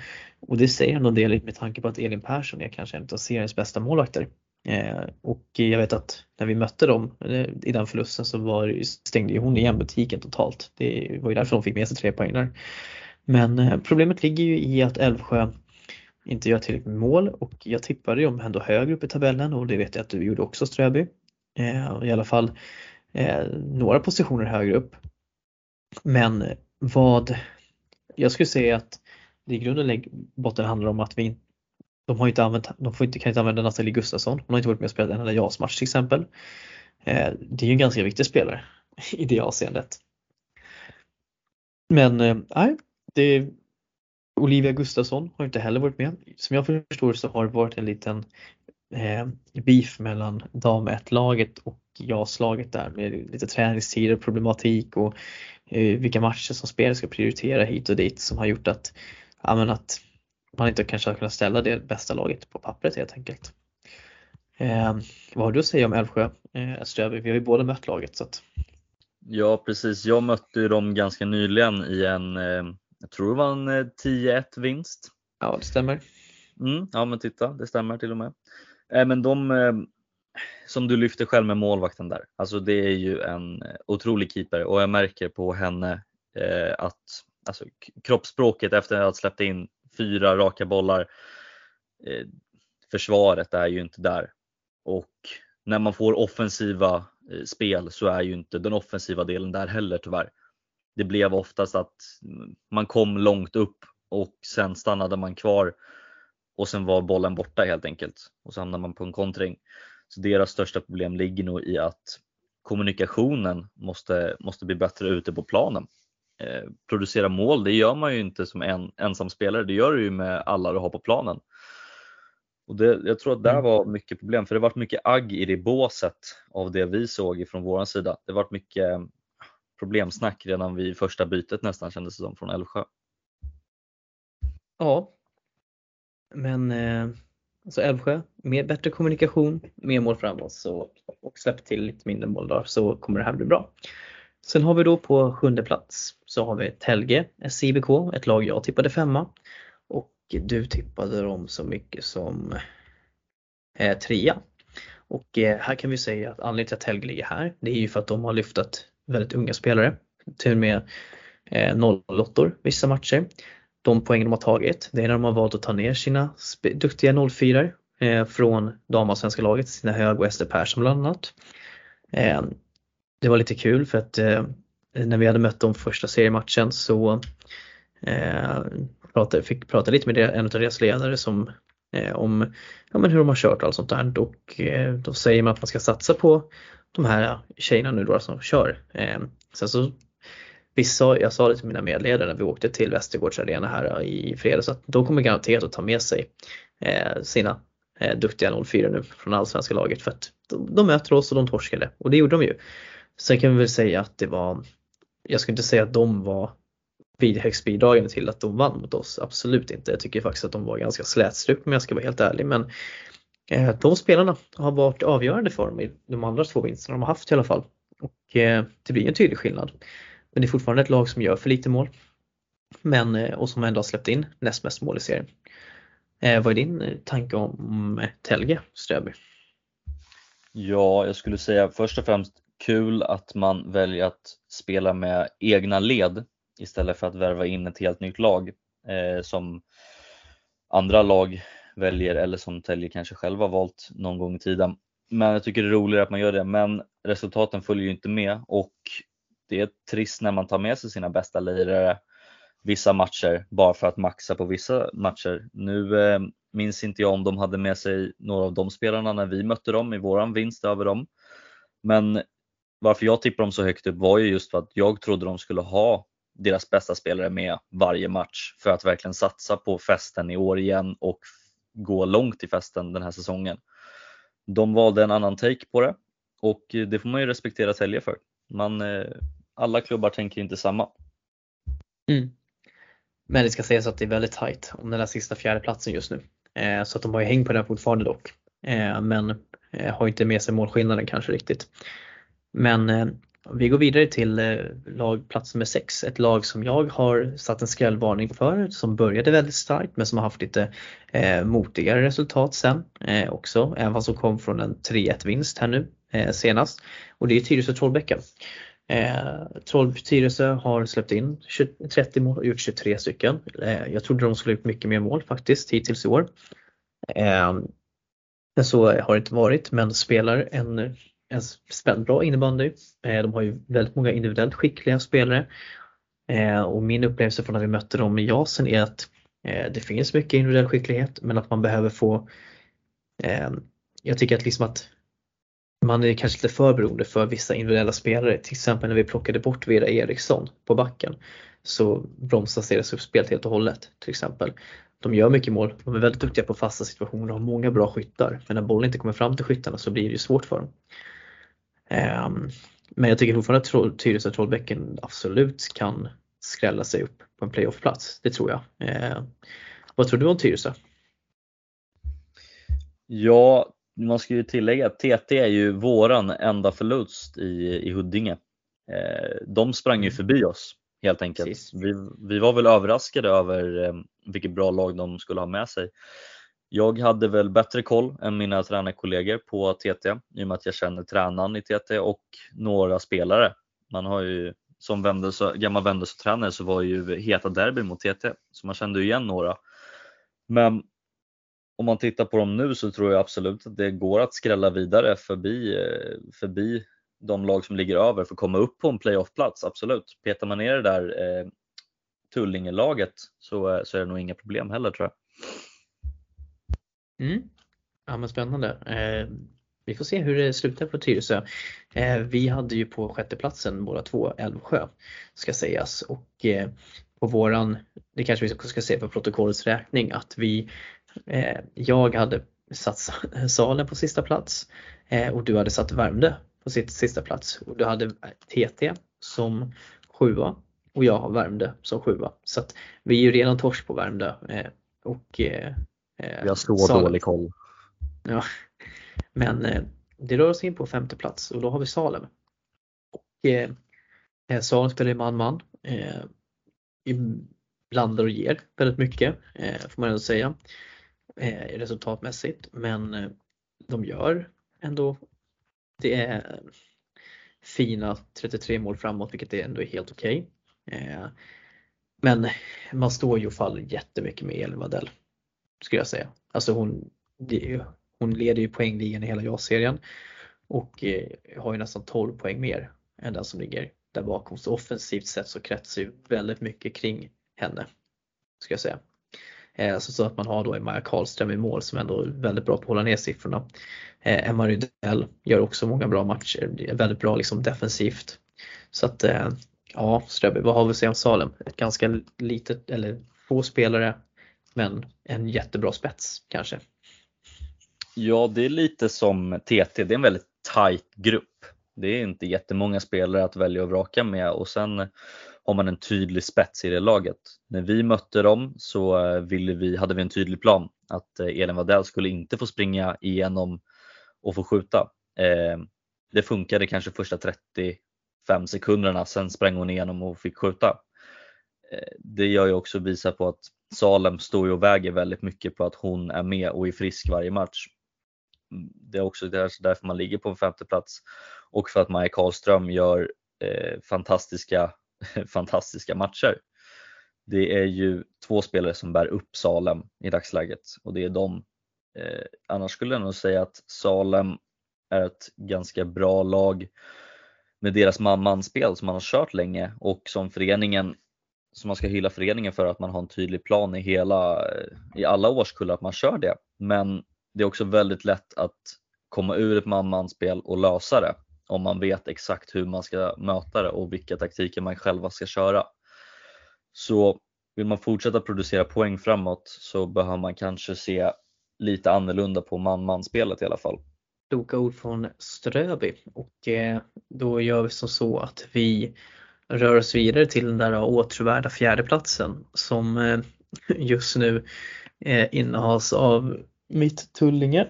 Eh, vi har 11 poäng Eh, plus, eh, ska vi se så att jag säger rätt här. Eh, plus 3 målskillnad, 32 gjorda, 29 insläppta, 3 vinster, 2 gjorda, 4 förluster.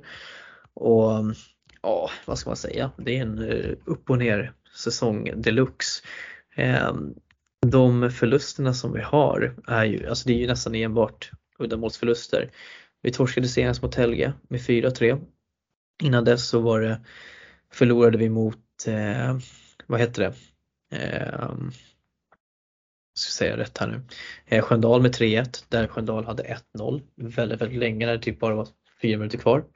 Eh, då gör de ett, har form ett, gör med 2-0 mål och sen så även ett 3-0 mål med lite flyt.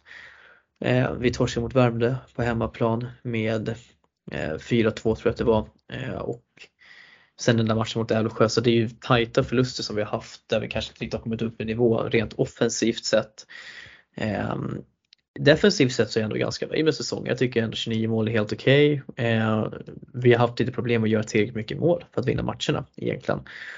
Eh, Helge, matchen senast här nu var, väl, var väldigt ändå jämn. Eh, Helge har ett par stolpar och sånt där men jag tycker vi, vi har flera lägen också som där deras keeper gör några riktigt bra räddningar så att jag tycker att vi, vi är med i alla matcher. Eh, även Älvsjö var ju ett riktigt bottennapp liksom men jag hade väl önskat mig mer eh, i vissa matcher som mot Sköndal till exempel.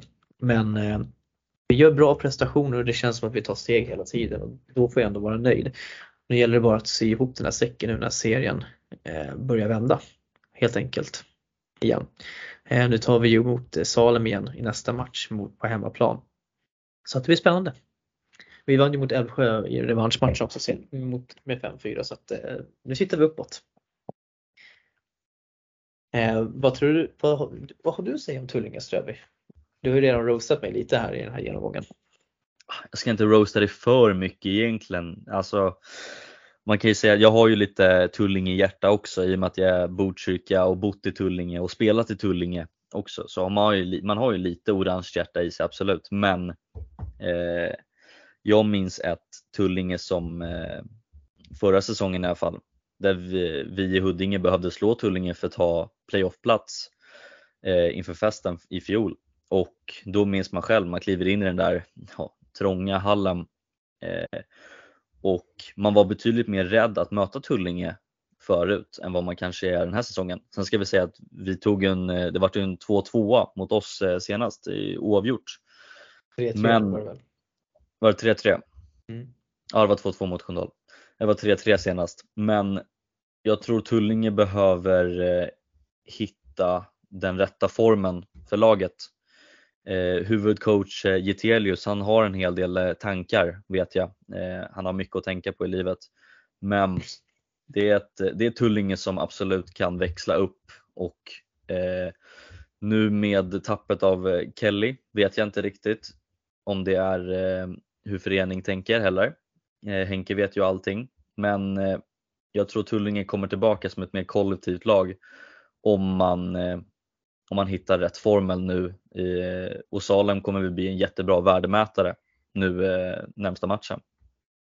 Ja, för att summera det du säger kan vi väl säga så här, inget ont som inte för något gott med sig. Oh, du sätter sådana fina ord på mina tankar Henke. Så gör det. Eh, Ja, vi rullar vidare till Sköndal eh, och eh, Sköndal är ett defensivt starkt lag, eh, ligger väldigt rätt i sina positioner, eh, gör inte så jättemycket mål framåt men vad spelar det för roll när de vinner sina matcher? Eh, vann ju den där viktiga sex, sexpoängsmatchen mot Tullinge och skapade väldigt mycket utrymme. Eh, ligger fyra poäng efter Huddinge eh, med en match mindre spelad så det kan ju komma ännu närmare där. Då. Eh, men Sköndal just levererar väl där som vi har tänkt på en tredje plats. Ligger bra där, tänker jag. Ja, vi pratar jag mycket om dem på damettan, liksom, vad de är för typ av lag, så jag tänker vi behöver inte säga så mycket mer än så. Nej, det är ju samma lag minus några veteraner i, i D1. Det är ju ett eh, jättebra lag och Björkman har stenkoll på varenda spelare. Jag vet att det är lite problem med, dem, med, med vissa lirare individuellt i laget. Eh, för man, nu har man ju fått en större trupp än vad man haft förut med, med nyanlända och det kanske gör att det blir mer interna eh, grubb i laget. Men eh, Sköndal i helhet är ju en välmående förening och ett välmående lag. Mm. Ja, nej men eh, de jobbar på bra där borta i Sköndal eh, så att eh, de kommer nog att fortsätta vara jobbiga för många. Eh, ja, sen har vi ju Huddinge IBS på andra plats på 20 poäng Ströby. Eh, överlägset bäst målskillnad i serien. Vad, eh, vad har du att säga om ditt kära Huddinge? Vill man prata för mycket egentligen? Nej men eh, vi kan ju säga att det mesta började egentligen med också när vi tog eh, otroligt viktig vinst emot eh, Nacka Värmdö eller Värmdö Nacka. Eh, som då var liksom det farligaste laget i serien att titta på på papper eh, med sina spetsspelare. Där började vi vända och bli mycket starkare och mer självförtroende fick man ju efter den matchen. Och sen är det ju det här med att eh, våran JAS-trupp är uppe i D1 och tränar och spelar matcher. Vilket gör att eh, även våra JAS-spelare har ju fått den här specialträningen av eh, Dennis och eh, Jocke Lilja på skott, vilket resulterar att vi har bäst målskillnad med och vi täpper igen bakåt med en otroligt stark målvakt i eh, Alva Melander. Och när hon är sjuk så kliver eh, Karin in och hon gör också fantastiskt arbete. Så vi, som ett kollektiv så är vi ett eh, jättestarkt lag. Mm, nej men eh, det låter som en, som en bra analys. Eh, ni har ju väldigt mycket poängen utspridda, defensivt starka, ibland kanske lite lättlästa offensivt men ni har ju många spelare som är individuellt skickliga som ändå kan göra oväntade saker och som blir avgörande till slut. men jag tycker att ja, men det, det var en bra analys ändå, får jag säga, utav Hibsen. måste jag ändå säga, för att komma från en Hibs-tränare. Ja, men man ska vara eh, neutral här. Ja, men eh, sen så ska vi säga, måste vi, sen har vi Värmdö, Nacka eh, på första plats och eh, all cred till dem. Eh, de har ju seriens, får vi ändå säga, bästa första femma eller första kedja. Eh, Mattsson, Färingmark och Ulf Hammar ju, har ju spelat tillsammans sedan barnsben. Eh, eh, sen innan man hade skolan på att säga. Eh, och kan hitta varandra in och ut, det märks så tydligt när de är på planen. Eh, det är de som ska göra det för det här laget och när de så länge de levererar så är Värmdö jättejobbiga att slå helt enkelt. Och eh, jag tittar man lite på, de, Värmdö har gjort 41 mål totalt i år i, i JASen. Och utav de 41 målen så har eh, Linnea Färingmark gjort 8, Ida Mattsson 9 och Ellen Ulshammar har gjort 6 stycken utav de målen. Det innebär alltså att de har i runda slängar stått för, nu ska vi se så det blir rätt här, 23, 23 eh, mål utav de där 41. Det är alltså 50 av deras mål, mer till och med så. Eh, det visar på styrka. Sen har de ju vissa så här secondary scoring av Ella Danielsson till exempel som gör lite, gjort tre mål. Moa Ekman har gjort fyra mål liksom och, eh, så det har man ju. Eh, men det är tydligt att den där första femman är, den är bra. Och det är den som är avgörande. Har du någon annan analys än så? Nej, min analys mer är väl att eh, om man tittar på våran tippning, vilket man nästan inte kan, för vi visste ingenting gällande det här laget och samarbetslaget som de blev. Eh, därför satte vi dem så lågt. Men det är ju ehm, eh, SSL-spel. Eh, det är ju bra träningar och jag tror att man får väldigt mycket utrymme i, i det här Vemden Nacka-laget. Eh, och som du säger, det är de här tre spelarna som står ut i mängden som gör vad sa du, 50% nästan av målskördan. Och det blir lätt att eh, man är ett starkt lag då i en, eh, i en sån här serie. Eh, speciellt när det är åldersbaserat också i den här serien. Så all cred till, eh, till Värmdö Nacka. Verkligen all cred till dem. Ja, nej men eh, stort tack för det Ströby. Men jag tänker att vi, vi stänger då, då eh, DJ-serien, eh, juniorallsvenskan D där alltså. Så eh, tar vi lite paus innan vi rör oss vidare in till nästa segment helt enkelt.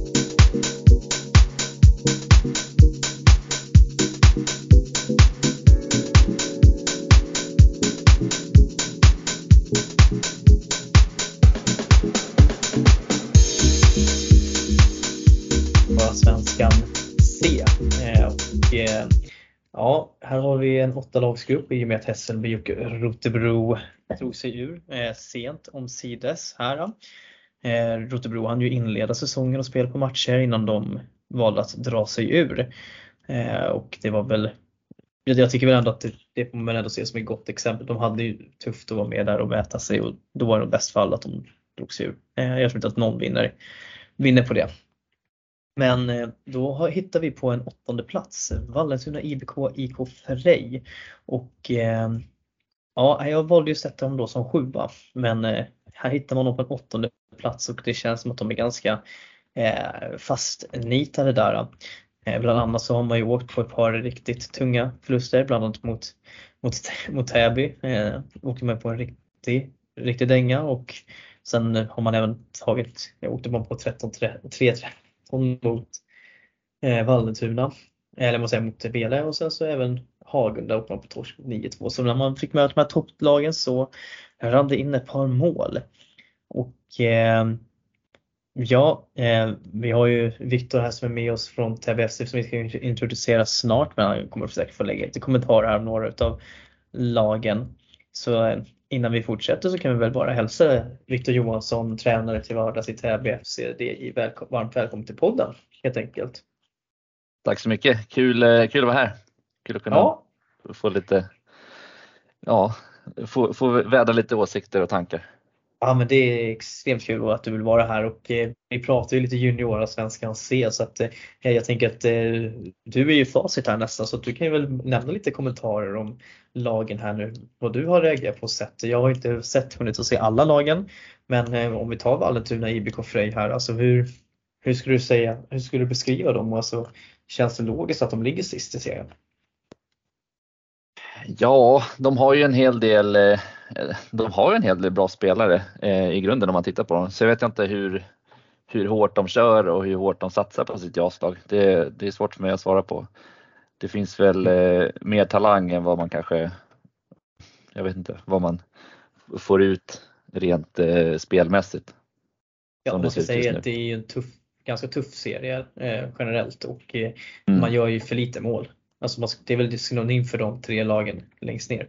Att man gör man gör för lite mål. Ja, då eh. blir det svårt att vinna matcher. Nej, men det, ja, det jag märkte i den matchen när vi eh, spelade mot Vallentuna var väl att våra spelare fick lite väl mycket tid med, med boll och eh, fick tid att få iväg sina avslut. Om det sen handlar om det är för mycket respekt eller om det är någon annan, eh, någonting annat som, som påverkar där, det, det vet jag inte. Men det kan ju vara någonting där att man behöver gå in lite, lite mindre respektfullt eh, mot, mm. mot sina motståndare och faktiskt kliva in men och, och stänga ner. Jag vet att det har gått en del spelare från Vallentuna till Täby. Alltså hur skulle du säga att relationen mellan Täby och Vallentuna ser ut? Men relationen tycker jag ändå ser, ser, bra ut. Det finns väl ingenting som, eh, som jag har märkt som är negativt. Eh, även om det går spelare emellan. Det handlar ju eh, i mångt och mycket om ja, vart man då känner sig som mest hemma. Det har inte mm. varit så att man, att man aktivt rycker några spelare, i alla fall inte från, från, från, mitt håll utan har det varit någon som kommit till oss så har de ju kommit för att de, de har känt att, de att det, Ja men exakt, de har känt att vår, den satsningen som vi har den, den passar bättre för dem än vad, vad den gjorde i Vallentuna och, och, och vice versa.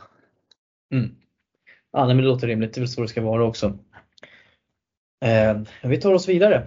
Eh, då hittar vi på sjunde plats eh, Vaxala SK Björklinge eh, som jag hade tippat då som åtta.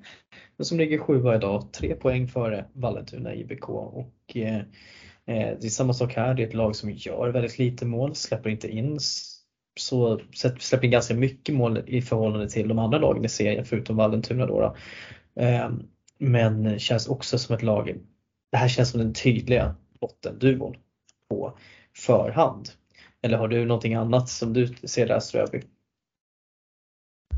Nej, jag tänker att du, eh, du har stenkoll på det du säger och eh, statistiken talar för sig själv. Eh, att de ligger sjua och Vallentuna åtta, det är ju ja, det är ju som det ja. är. Det är, det är ju duon längst ner helt enkelt.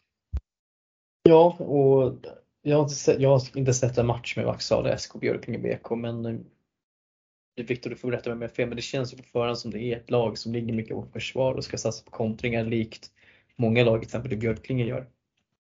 Ja, det, det kan man väl inte säga, men det har väl mycket med att göra att de, eh, det är ett relativt ungt lag i, i Vaksala. Det är väl deras 06-gäng eh, i grunden. De spelar även i, i Rödsvåra och eh, i samma serie som våran 07-tjejer i, i Uppland också.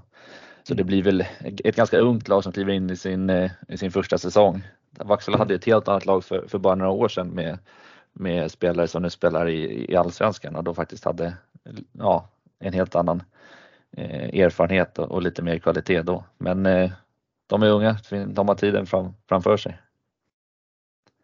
Mm. Ja, men vi får se vad hög, eh, Vaxala och Björklinge kommer med framledes. Men Eh, nu känns det ganska tydligt nitade där i botten för att jag tror att det ska mycket till för att de ska ta sig upp på sjätte plats där vi till vardags hittar Ekerö IK. Eh, och det här är ju ett lag som jag trodde betydligt mer på på förhand som kanske inte riktigt har fått med sig resultaten heller. Men eh, återigen, mål, mål, det är problem att göra mål. 16 mål på 7 matcher är väldigt, väldigt lite. Eh, det vinner man inte många matcher på. Man har i och för sig bara släppt in 34 mål vilket är ändå helt okej. Okay. Men eh, ja, det känns som att de inte riktigt har fått ut det de vill ur sitt, eh, sitt pressa, aggressiva försvarsspel eh, och höga försvarsspel. Och att de har svårt att omsätta det i, i chanser. Eh, hur skulle du säga att Ekerö såg ut när ni mötte dem Viktor? De var inte lika disciplinerade som, eh, som jag tidigare sett dem. Det är väl den den slutsatsen jag kunde dra. Och mm. Eh, jag vet inte vad det beror på. De brukar ju spela en väldigt, väldigt disciplinerad 2-2-1 eh, och vi brukar mm. ha otroligt svårt att, att hitta igenom och, och faktiskt skapa och, och, göra mycket mål. Så visst, jag är väl inte det laget som, som gör flest mål men det är ju å andra sidan ett av de lagen som släpper, släpper in allra minst mål också. Så jag var, ja, jag var lite förvånad. Ni står ju för ungefär nästan en tredjedel av deras insläppta mål i en match. Ni vann med 12-1 där mot dem den 25 november.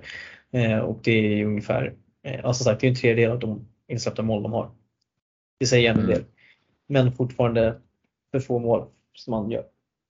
Och, eh, och eh, jag tänker att Ekerö, det är ju Ackers som får tampas med i slutändan och eh, nu torskar de ju med 4-0 där i deras returmatch så det var ju en riktig sexpoängsmatch. Så att, ja, men vi får se. Det känns ändå som att det finns potential att kunna gå förbi Ackers men att de känns ganska satta på sjätte plats. Eh, och Ströbe, du har ju faktiskt satt Ekerö som sexa i ditt tips också. Jajamän. Eh, den satte du snyggt. Ja men vi Faktum mötte ju dem i, i Täby Open och då kände jag att eh, de här ligger på en, på en sjätte plats i deras serie. Det, det kände man redan på, på plan redan då. Okej, okay. ja, du menar att du, du kände känslan att det här är sjätteplatslag helt enkelt? Ja, jag kände att det här är ingen topp, det här är ingen botten, det är en riktig sjätteplattare. Ja, vilket snedsurr. Eh, men du är ju framgångsrik i den här serien för du har ju satt Åkersberga som femma och till vardags så hittar vi Åkersberga på en femte plats. Och eh, vad har du att säga om Åkersberga då? Strövi? Eh, samma sak där egentligen. Vi mötte dem också i Täby Open. eh, men eh, tycker att eh, Åkersberga, de, när vi mötte dem så var de riktigt bra. De vann ju över oss i Täby Open. Och jag trodde att jag satte dem faktiskt lite lågt. Eh, egentligen mot vad, jag, vad man har hört, vad man har sett. Men eh, ja, tydligen var femteplats helt perfekt sagt. Jag tror att det känns lite ensamt borta i Åkersberga kanske. Eh, närmsta kampen att ta uppåt det är ju Sirius eh, som är en pinne över. Men eh, Sirius har ju betydligt, betydligt sämre i målskillnad. De är minus 10 Åkers, Ackers då sitter ju bara på minus 1. Eh, så om Ackers börjar producera mer mål framåt eh, i möten mot Sirius så, eh, så kommer de nog eh, visa att, de hade, att jag hade fel och sätta sig kanske på en fjärde plats redan då. Mm. Ja, men eh, spännande. Eh, jag skulle säga att eh, nu vet jag, nu tycker jag hela IBC är segt eller jag vet inte vad någonting som har hänt men eh, i början av säsongen så stod man ju för mycket med Linnea Hjelm och det hon gjorde på planen. Nu har hon spelat, jag vet faktiskt inte om hon tillhör eh, Ackers fortfarande, men jag vet att hon gick på en dubbel i alla fall till Täby eh, och spelade med deras damallsvenska lag. Där kanske du kan fylla i Viktor med lite för oss. Vad är, det, vad är statusen på Linnea Hjelm? Vet du det? Eh, ja, hon spelar ju med Ackers SSL-damer nu får, får speltid på match. Så, mm. så det är där hon håller till i, i dagsläget. Så jag tror inte hon spelar så mycket JAS nu för tiden. Hon, hon mötte ju hon var med och mötte oss i, i JAS tidigare eh, ja. och det är klart att det gör ju en skillnad när, när hon är med. Men eh, å andra sidan så kanske, kanske det blir bättre om det är andra i deras lag som också behöver ta lite mer ansvar. Ja, eh, annars är det ju Frida Meijer som drar, får dra och Hanna Andersson som får dra lasset där rent poängmässigt i, eh, i Åkersberga. Och, eh, mm. Det är väl två spelare som jag, eh, om jag inte mig också, ska representera Stockholms distriktslag här nu. Jag vet att eh, Hanna Andersson är ju 07 till och med, så hon är ju inte aktuell nu, men säkerligen till nästa år. Men Frida Meijer representerar Vallentuna i damettan och gör det väldigt bra mm. där också. Eh, så det finns ett par spelare i Åkersberga men man är ju för tunna. Alltså så enkelt är det. Eh, och jag funderar också liksom på alltså, vad är Åkersbergas ambition egentligen med sitt DJ-slag? Eh, I och med att man drog sig ur förra året eh, i playoff och man har inte alls sina bästa spelare tillgängliga för JAS. Nu är det ju kanske då för att man är ett väldigt ungt SS mycket 04 med att spela där eh, bland annat till exempel eh, det är klart att inte Hanna Nordström går ner och spelar JAS liksom, i det här läget. Eh, det fattar man ju liksom, men det finns ju ändå använda andra spelare. Alltså, vad, eh, nu vet jag inte hur mycket du vill säga om Ackers, för jag vet ju att det finns en säkert relation mellan Täby och Ackers också. Men eh, hur ser du på Ackers DJ-lag och säsong? Alltså, vad, vad tror du om dem, Viktor? Ja, men jag tror Ackers är ju absolut aktuella för att komma topp eh, top 4. De har ju väldigt lågt disciplinerat försvarsspel och de är otroligt kvicka i sina kontringar eh, och det utnyttjar de bra och utnyttjar det väldigt bra mot oss. Och det är som du säger, både Frida Meijer och Hanna Andersson och, och Maria Smyrnin som, som har otroligt bra skott också. Mm. Så de har ju spetskvaliteter. Sen vet jag inte om de har tillräckligt mycket spetskvalitet för att, för att ligga topp tre, men eh, definitivt en fjärde plats ska de absolut kunna knipa. Ja, det låter rimligt. Eh, vi rör oss vidare till Sirius som du också satte Ströby. Och eh, du var väl inne lite på Sirius här när vi pratade Åkersberga men har du något mer som du skulle vilja lägga till där gällande Sirius? Att de behöver täppa igen bakåt för att eh, slåss med Hagunda för att ta tredjeplatsen istället för att ligga på fyra. Ja, men vi kan säga att de kommer inte att ta sig förbi Hagunda. Då säger jag ligg kvar på 0-0 resultat för att ligga kvar på fyra. Det blir toppen. ja, precis. Eh, jag har inte sett någonting med Sirius, jag har svårt att yttra mig där. Eh, utan det är om Viktor, om du har någonting som du vill lägga till kring Sirius som vi, så kan vara bra att veta.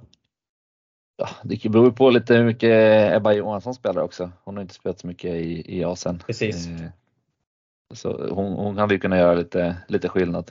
Eh, Bella Klettner får ju dra ett ganska, ganska tungt last där. Eh, och det märkte vi också i, i matchen mot, eh, mot Sirius senast att det var ju det var mycket känslor och Eh, ja, Bella Klettner var den som stack ut rent eh, energimässigt hos, hos eh, Sirius i alla fall.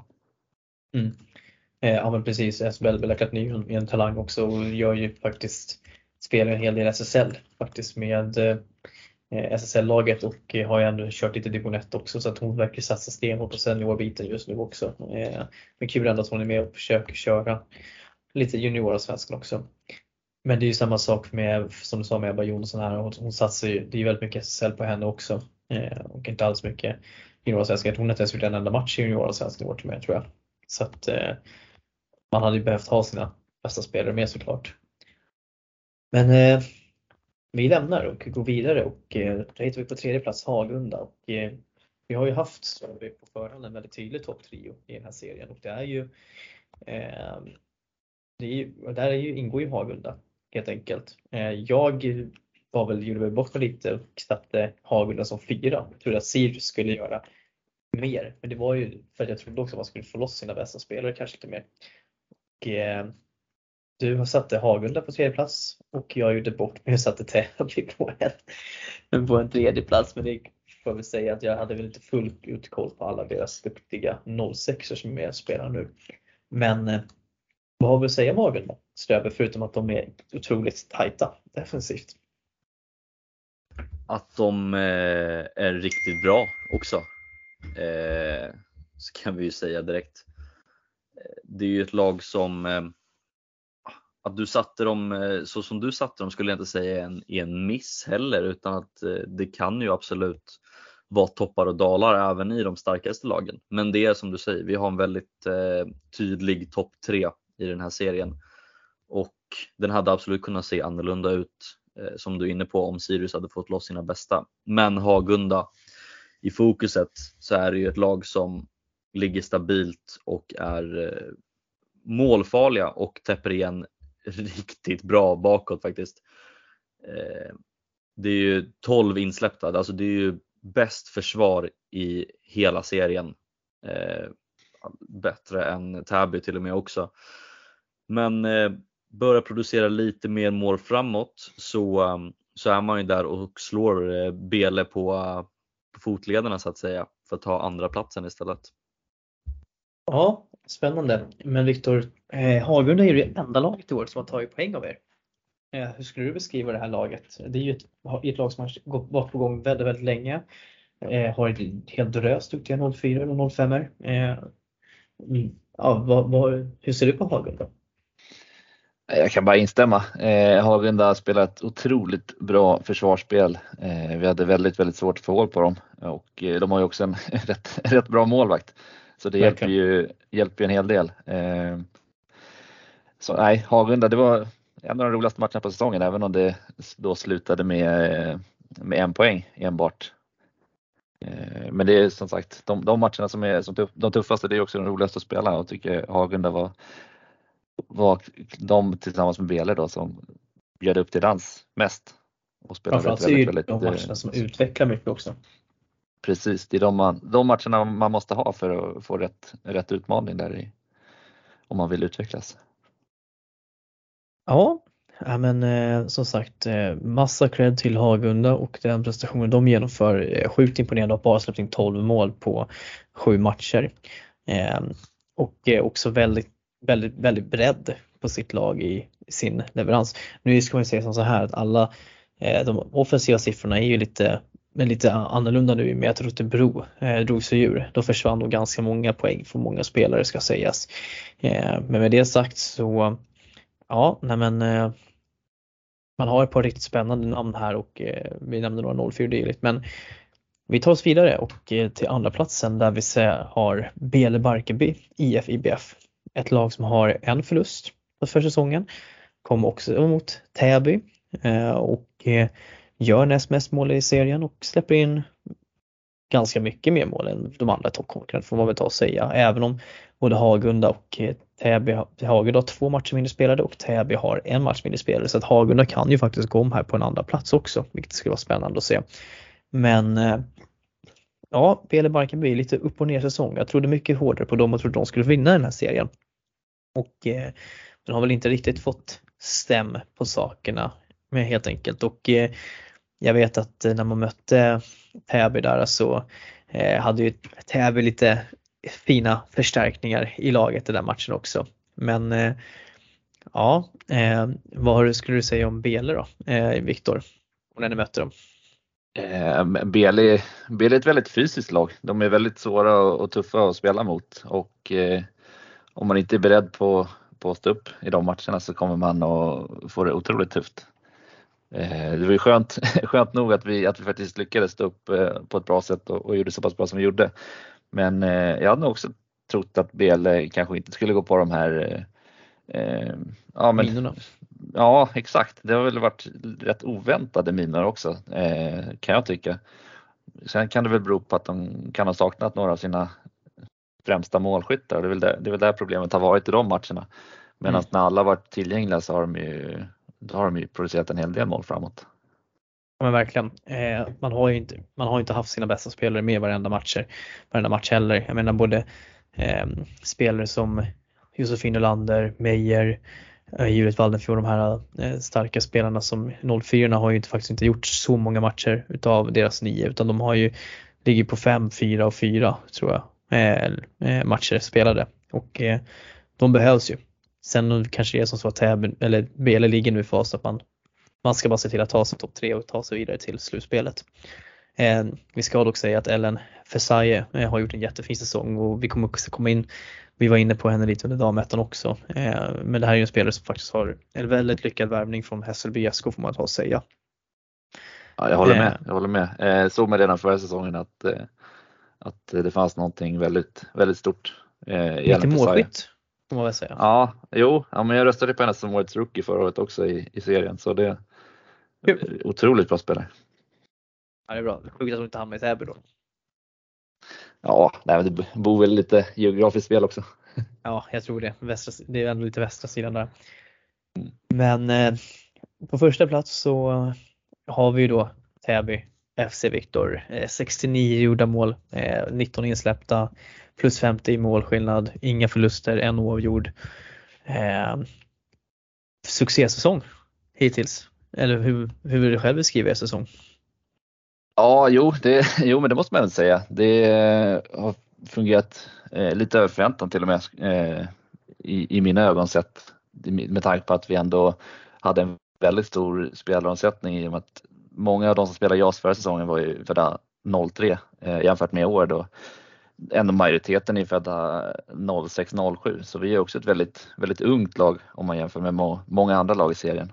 Eh, så det har fungerat otroligt bra och vår den offensiva innebandyn som vi, som vi vill spela har, har ju funkat bra också. Jag gör ju uppenbarligen mycket mål men då får man räkna med att det blir, blir några i, i baken också ibland. Ja, nej, men precis. Eh, och jag tänker alltså, ni, ni har ju några riktigt fina spelare. Jag vet att ni har jättemånga spelare som är med i distriktslaget här nu för 06 som ska spela här nu i, i Nyköping i januari. Men eh, vi har ju nämnt flera gånger, ja, men en spelare som Engla Helmarsson, hon är ju eh, jätteduktig. Lovisa Blomqvist, Vilma Sjöström. Eh, med det är med ibland också och kör. Dine Falk har gjort tre matcher och varit bra. De, men alltså, vilka spelare skulle du säga skulle du vilja lyfta som man kanske inte alltid ser direkt som en som är högst bidragande till det, ja, till den prestationen ni gör i år helt enkelt? Eh, Jag skulle väl ändå vilja lyfta vår, eh, vår målvaktsduo som håller, klart håller ner siffrorna eh, även när det ibland kan vara lite tufft. Eh, Både Sonja Fredriksson som då står i, i distriktslaget nu för, för 06 år och sen Milla Åstrand som är född eh, 2007. Så vi har ju ganska ungt målvaktspar där också.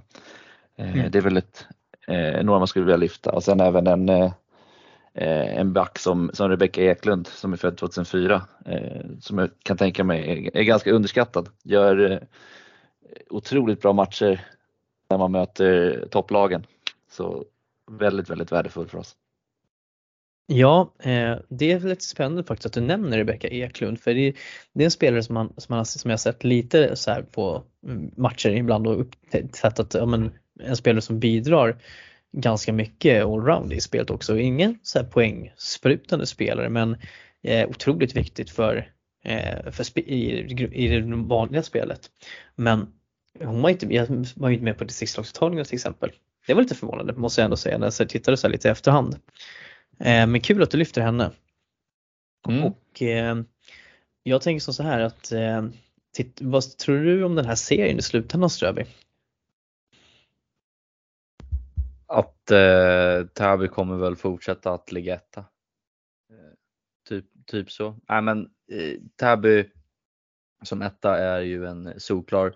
Måste ställa Viktor frågan att eh, var första matchen eh, mot Rotebro, var det så att säga lyckopiller att få starta och börja sprutla in mål redan då och sen bara har man fortsatt leva på det? Eller hur, hur var reflektionerna efter matchen?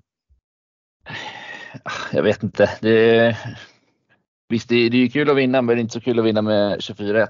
Det, det känns inte som en, kul för någon egentligen. Det är väl kul för våra spelare att göra en del poäng.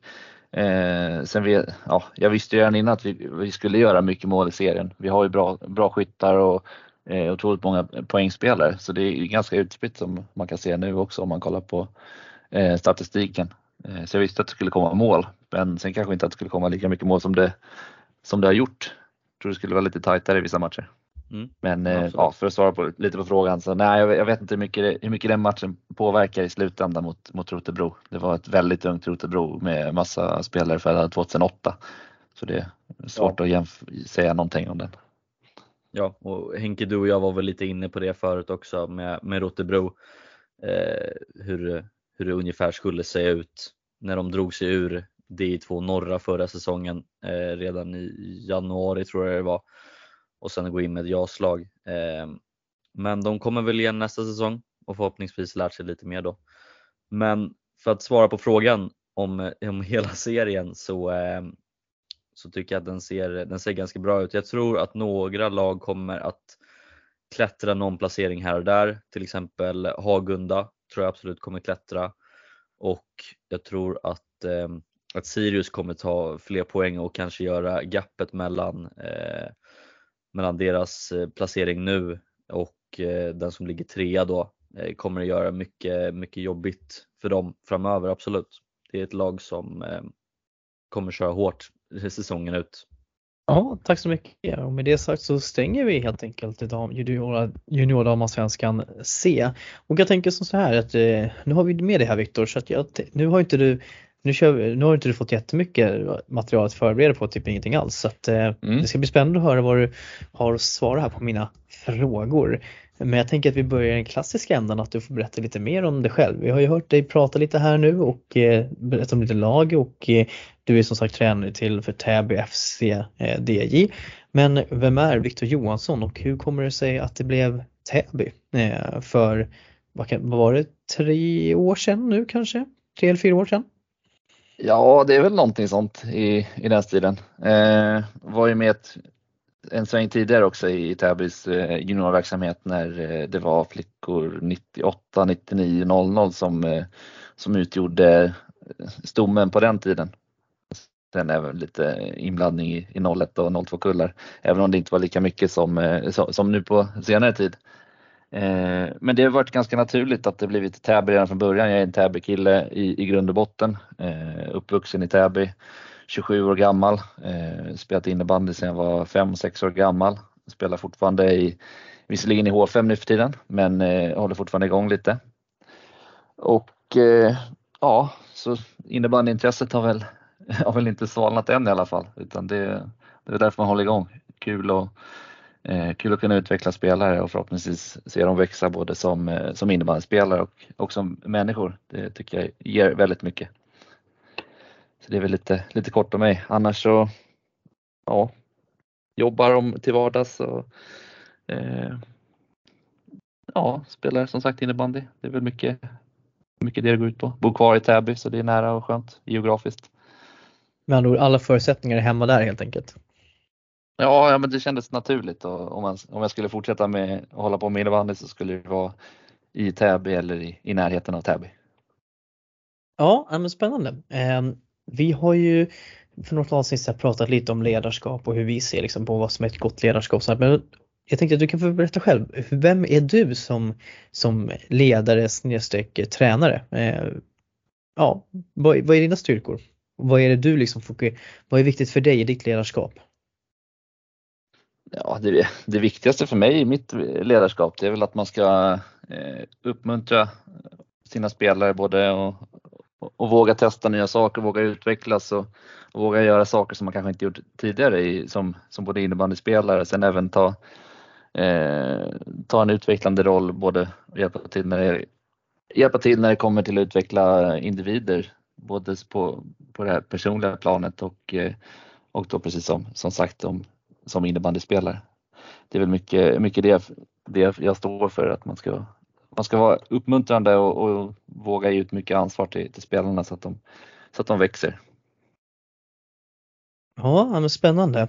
Eh, och du är som sagt i Täby, eh, det är Sveriges största innebandyförening och jag tänker hur, hur ser eran utvecklingstrappa ut som ni har med DI i det här fallet? För att jag gissar på att ni har väldigt mycket spelare att tillgå. Nu hade ni en spelomsättning inför år, ni tappade mycket 04 eller vad säger jag, 03 som blev för gamla för JAS bland annat. Eh, du nämnde själv att de utgjorde stommen. Eh, det är mycket 06 och 07 nu eh, för att jag vet att det finns, har varit lite ett svart hål där med 05 att det inte riktigt kanske har funnits lika mycket spelare.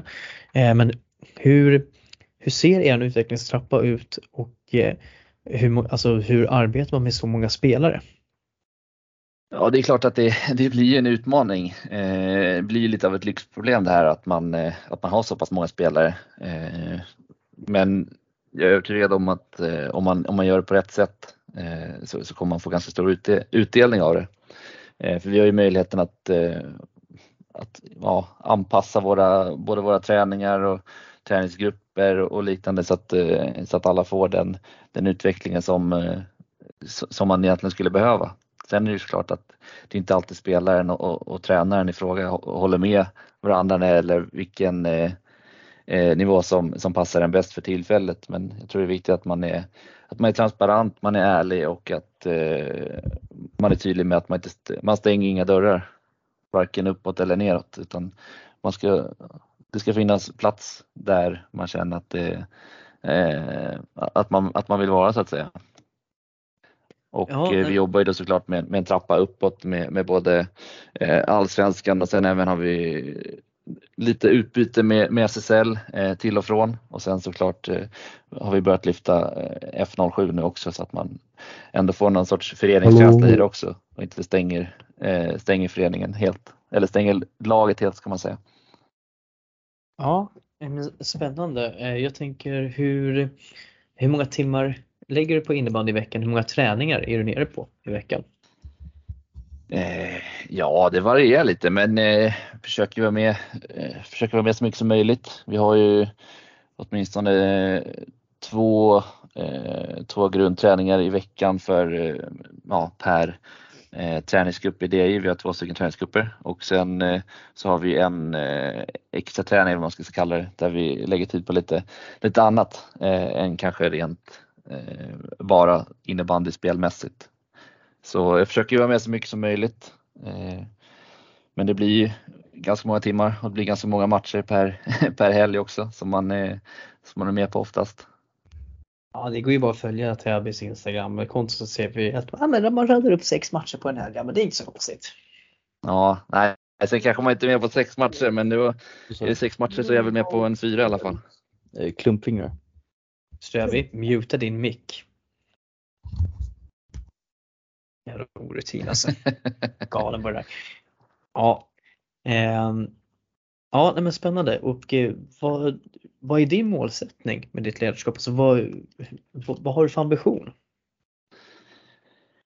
Ja, men svår fråga. Eh, ambitionen är att man ska utvecklas så mycket som möjligt i, eh, som, som, ledare just det här med hur man ska eh, ja, ta, hand om, ta hand om olika individer och lära sig olika individer. Det är väl det, det största jag har fått med mig än så länge också att eh, alla, alla individer är olika och ja, tycker om och kräver olika saker av en som, som ledare. Så känns det väl att det viktigaste som jag har lärt mig är att, eh, att man ska lyssna på de individer man har och, och ta till sig den, den feedback man har och, eh, som man får. Och eh, och anpassa den individuellt utifrån de personer man faktiskt har i sin grupp. Så det är väl fortsätta utvecklas inom det och fortsätta bli bättre på att förstå, förstå andra människor. Jag tänker, hur är Täby som förening att verka som ledare och tränare? För jag tänker att det finns ju eh, det finns förutsättningar, alltså det finns ju hall, halvtider, det finns eh, prof, eh, ett lag i SSL, ett lag i damallsvenskan, DI JAS, DI 1 Eh, det känns som att Täby mår väldigt bra på den biten. Eh, jag var ju också med på en, en, en sån workshop för lite olika personer för innebandy Stockholm då, som när man tittar på ett nytt serieupplägg för juniorer. Eh, där var ju bland annat då, då eh, Alexander Brinkman med och det man märker tydligt är att det känns som att Täby har sitter på förutsättningar som inte många andra lag kan mäta sig med. Så hur är det att verka som tränare och ledare i den föreningen? och vilka utvecklingsmöjligheter ser du där? Det känns ju ändå som att man eh, generellt sett har, har bra stöd som, eh, som ledare i Täby. Eh, inte minst med Alexander Brinkman som du nämner som klivit in som, eh, som klubbchef då och eh, kom in med ett otroligt engagemang och eh, tar fram en, en, en, enhetlig bild för en röd tråd för egentligen hela föreningen som man, eh, som man ska arbeta efter. Och, och det, det jag kan tänka mig att många som är ovana i ledarrollen och, och kliver in eh, bland de unga eh, lagen som, som ledare, de får ju ett otroligt bra stöd eh, samtidigt som det bygger en, eh, en bra föreningskänsla om, om man vet att de lagen ovanför och under, de kommer ju spela på ungefär samma sätt, vilket kommer göra att det, det blir mycket, mycket enklare att flytta spelare fram och tillbaka och få, få en bättre föreningskänsla.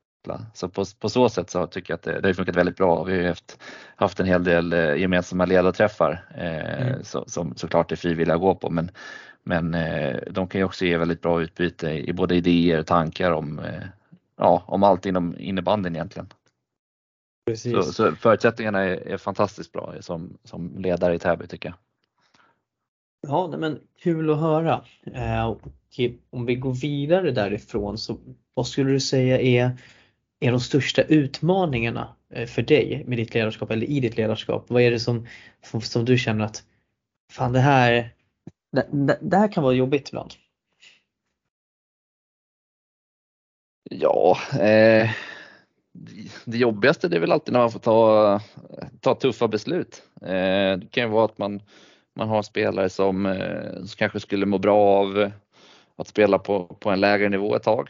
Det kan ju vara väldigt svårt att, att ta ett sådant samtal och, och ta eh, ja, men egentligen ta sådana beslut också över, överhuvudtaget, även om det kanske är beslut som kanske bör tas och spelaren kanske inte alltid kommer hålla med och eh, sådana dispyter kan ju kan ju såklart alltid vara, vara tuffa att ta. Eh, även när eh, kan ju vara en fråga som bänkning eh, på match också, kan ju alltid, det kan ju vara tufft också.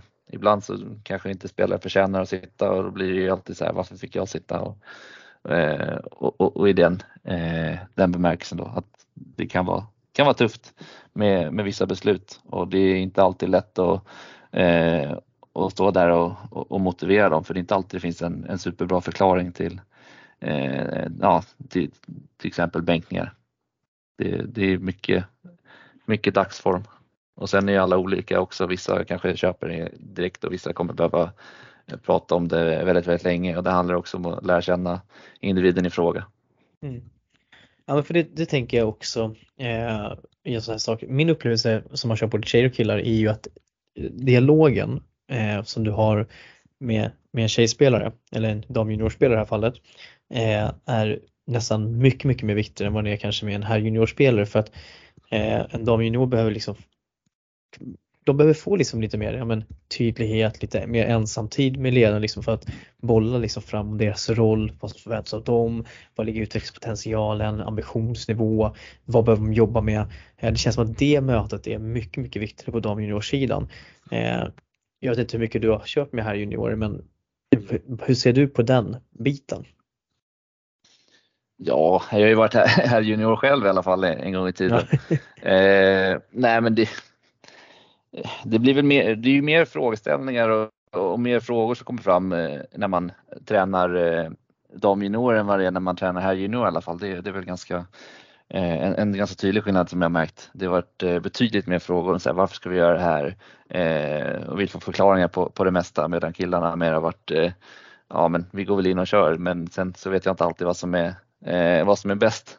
Eh, det kan ju vara bra också att man, att man får lite frågor som man själv måste tänka till.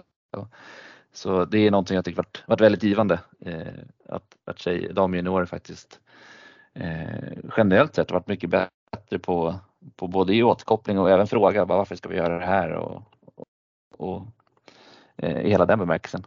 Men det är väl också någonting som de eh, efterfrågar mer också och då, då märks det ju mer att de, de behöver lite mer eh, eh mer svar på, på varför man ska göra saker än, än vad killarna har gjort. Ja, jag tänker om jag, om jag lägger upp det, en sån här eh, en problematisering så får du väl säga, eller kanske inte problematisering, men ett, en situation så får du säga liksom hur du ser på den. Eh, vi ser att du har en spelare som, du, som gör en jättebra match, eh, gör kanske ett eller två mål. Eh, spelaren i fråga, men ni ligger fortfarande under i matchen. Nu kanske inte ni ligger under så jättemånga matcher men vi tar ändå scenariot. Och eh, så är det så här att den här spelaren, du måste gå upp och sätta press. Eh, ni måste kunna få in ett mål. Eh, du, den här spelaren är inte världens bästa pressspelare men ändå het och gjort två mål. Hur väljer du att fortsätta spela den här spelaren som har gjort två mål eh, och istället kanske låter en annan spelare vila som kanske är mer fysisk och stark i pressspelet? Eller sätter du en spelare eller sätter du den spelare som har gjort mål för att den kanske inte riktigt klarar av pressspelet eh, för att jaga? Hur skulle du resonera där? Eh, Ja, den, är, den är klurig. Eh, å ena sidan så har ju den spelaren gjort, gjort två mål och är uppenbarligen i, i bra form för dagen. Eh, så det blir väldigt svårt att motivera för en sån spelare i så fall varför den eh, inte får spela. Eh, sen å andra sidan såklart så, så blir det viktigt att eh, just med det här pressspelet om, om man ligger under, då måste man kliva upp och måste våga, eh, våga utmana. Sen så kan man ju säkert hitta någon, någon lösning där man har en kedja som är maximalt press, vinner boll. Sen eh, när man väl har vunnit bollen så byter man in en mer, en mer spelande formation och, och, då kanske den spelaren som har eh, gjort de där två kassarna kliver in eh, och spelar och får, får börja med boll tänker jag då istället för att behöva jaga från början. Ja, eh, varför jag ställer den här frågan är för att jag upplever att det är väldigt många juniorer idag som kanske inte riktigt fullt ut förstår just de här bitarna. Att mycket liksom i coachningen handlar mycket om vilken typ av spelare du är och vilken situation som du kan få ut det max av din, din förmåga. Eh, jag tänker till exempel att eh, som i den här situationen att okej, okay, du behöver gå upp och pressa. Eh, du måste få in starka pressspelare. Jag tycker det är väldigt intressant det som du säger det här med att okej, okay, du har en presskedja som ska gå in för att vinna mycket boll till exempel i offensiv zon. Och så att man ser till att kedja nummer två där man kanske inte alls har de som pressar lika mycket men som är väldigt eh, individuellt skickliga till exempel eh, offensivt eh, får börja ha en zonstart i offensiv zon. Jag tycker många underskattar det här med att ha offensiv zonstart kontra defensiv zonstart. Hur skulle du se lite på det? Ja, eh, det gäller att ha rätt sorts, eh, rätt sorts spelare då, som kan utnyttja och, och börja högt upp eh, tillgängliga. Men har man det så, så blir det absolut en, en, styrka om man, om man börjar i offensiv zon med, eh, med otroligt spelskickliga spelare som, har, eh, som oftast har, har, bra avslut med sig också i, i bagaget. Eh, mm. Så, så det är absolut någonting som man bör använda mer. Eh, snabb bollvinst kanske ett inslag i, i offensiv zon. Skicka byte hela, hela femman med och få in spelare som man vet har kapaciteten att göra mål i alla fall. Sen om de mm. alltid gör mål, det, det, vet man inte. Det får de ju avgöra själva. Och jag tänker eh, innan vi ska gå in här på andra att vi, vi hade ju också när vi pratade lite om det här med framgång och hur, vad, vad är framgång? Och jag tänker att du ska få svar på två frågor här. Eh, det första är liksom hur du ser, vad, vad är framgång för dig eh, i ditt ledarskap då, då? Och sen tänker jag också att du även ska få svara på Eh, det du kan. Att vad, vad är framgång för, för Täby som förening och för Täbys damjuniorer? Kanske inte bara fler, tre frågor, men ja, du får köra. ja, nej men du kör. Eh, nej men personligen så skulle jag säga att framgång för mig som, som ledare just inom eh, en juniorverksamhet, då kanske inte alltid resultaten är är det primära. Eh, även om det såklart är kul med bra resultat. Men det, det absolut det roligaste det är när spelare eh, som man själv tränar och, eh, och utvecklar att de, de tar klivet upp och, eh, och tar plats i, ja men säg vårt SSL-lag eller vårt allsvenska lag och man ser dem eh, spela en, en, bra innebandy på hög nivå. Eh, förhoppningsvis då fortsatt i Täby men det, det är väl det jag skulle säga är största framgången. Eh, sen för att lyckas attrahera den sortens spelare så är det klart att man behöver bra resultat eh, framgång också så det blir en balansgång det där. Även om det, det roligaste är när spelare tar, tar plats och, och, spelar regelbundet i, i de högre serierna.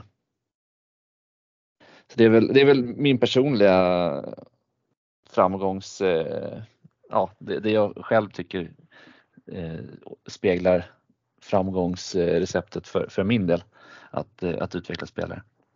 Men eh, som förening i stort så ja, målet är väl att man ska, man ska fortsätta växa, fortsätta vara, eh, vara den, den ledande innebandyföreningen eh, ja, om, om inte i, i Sverige så i alla fall åtminstone i, i Stockholmsområdet.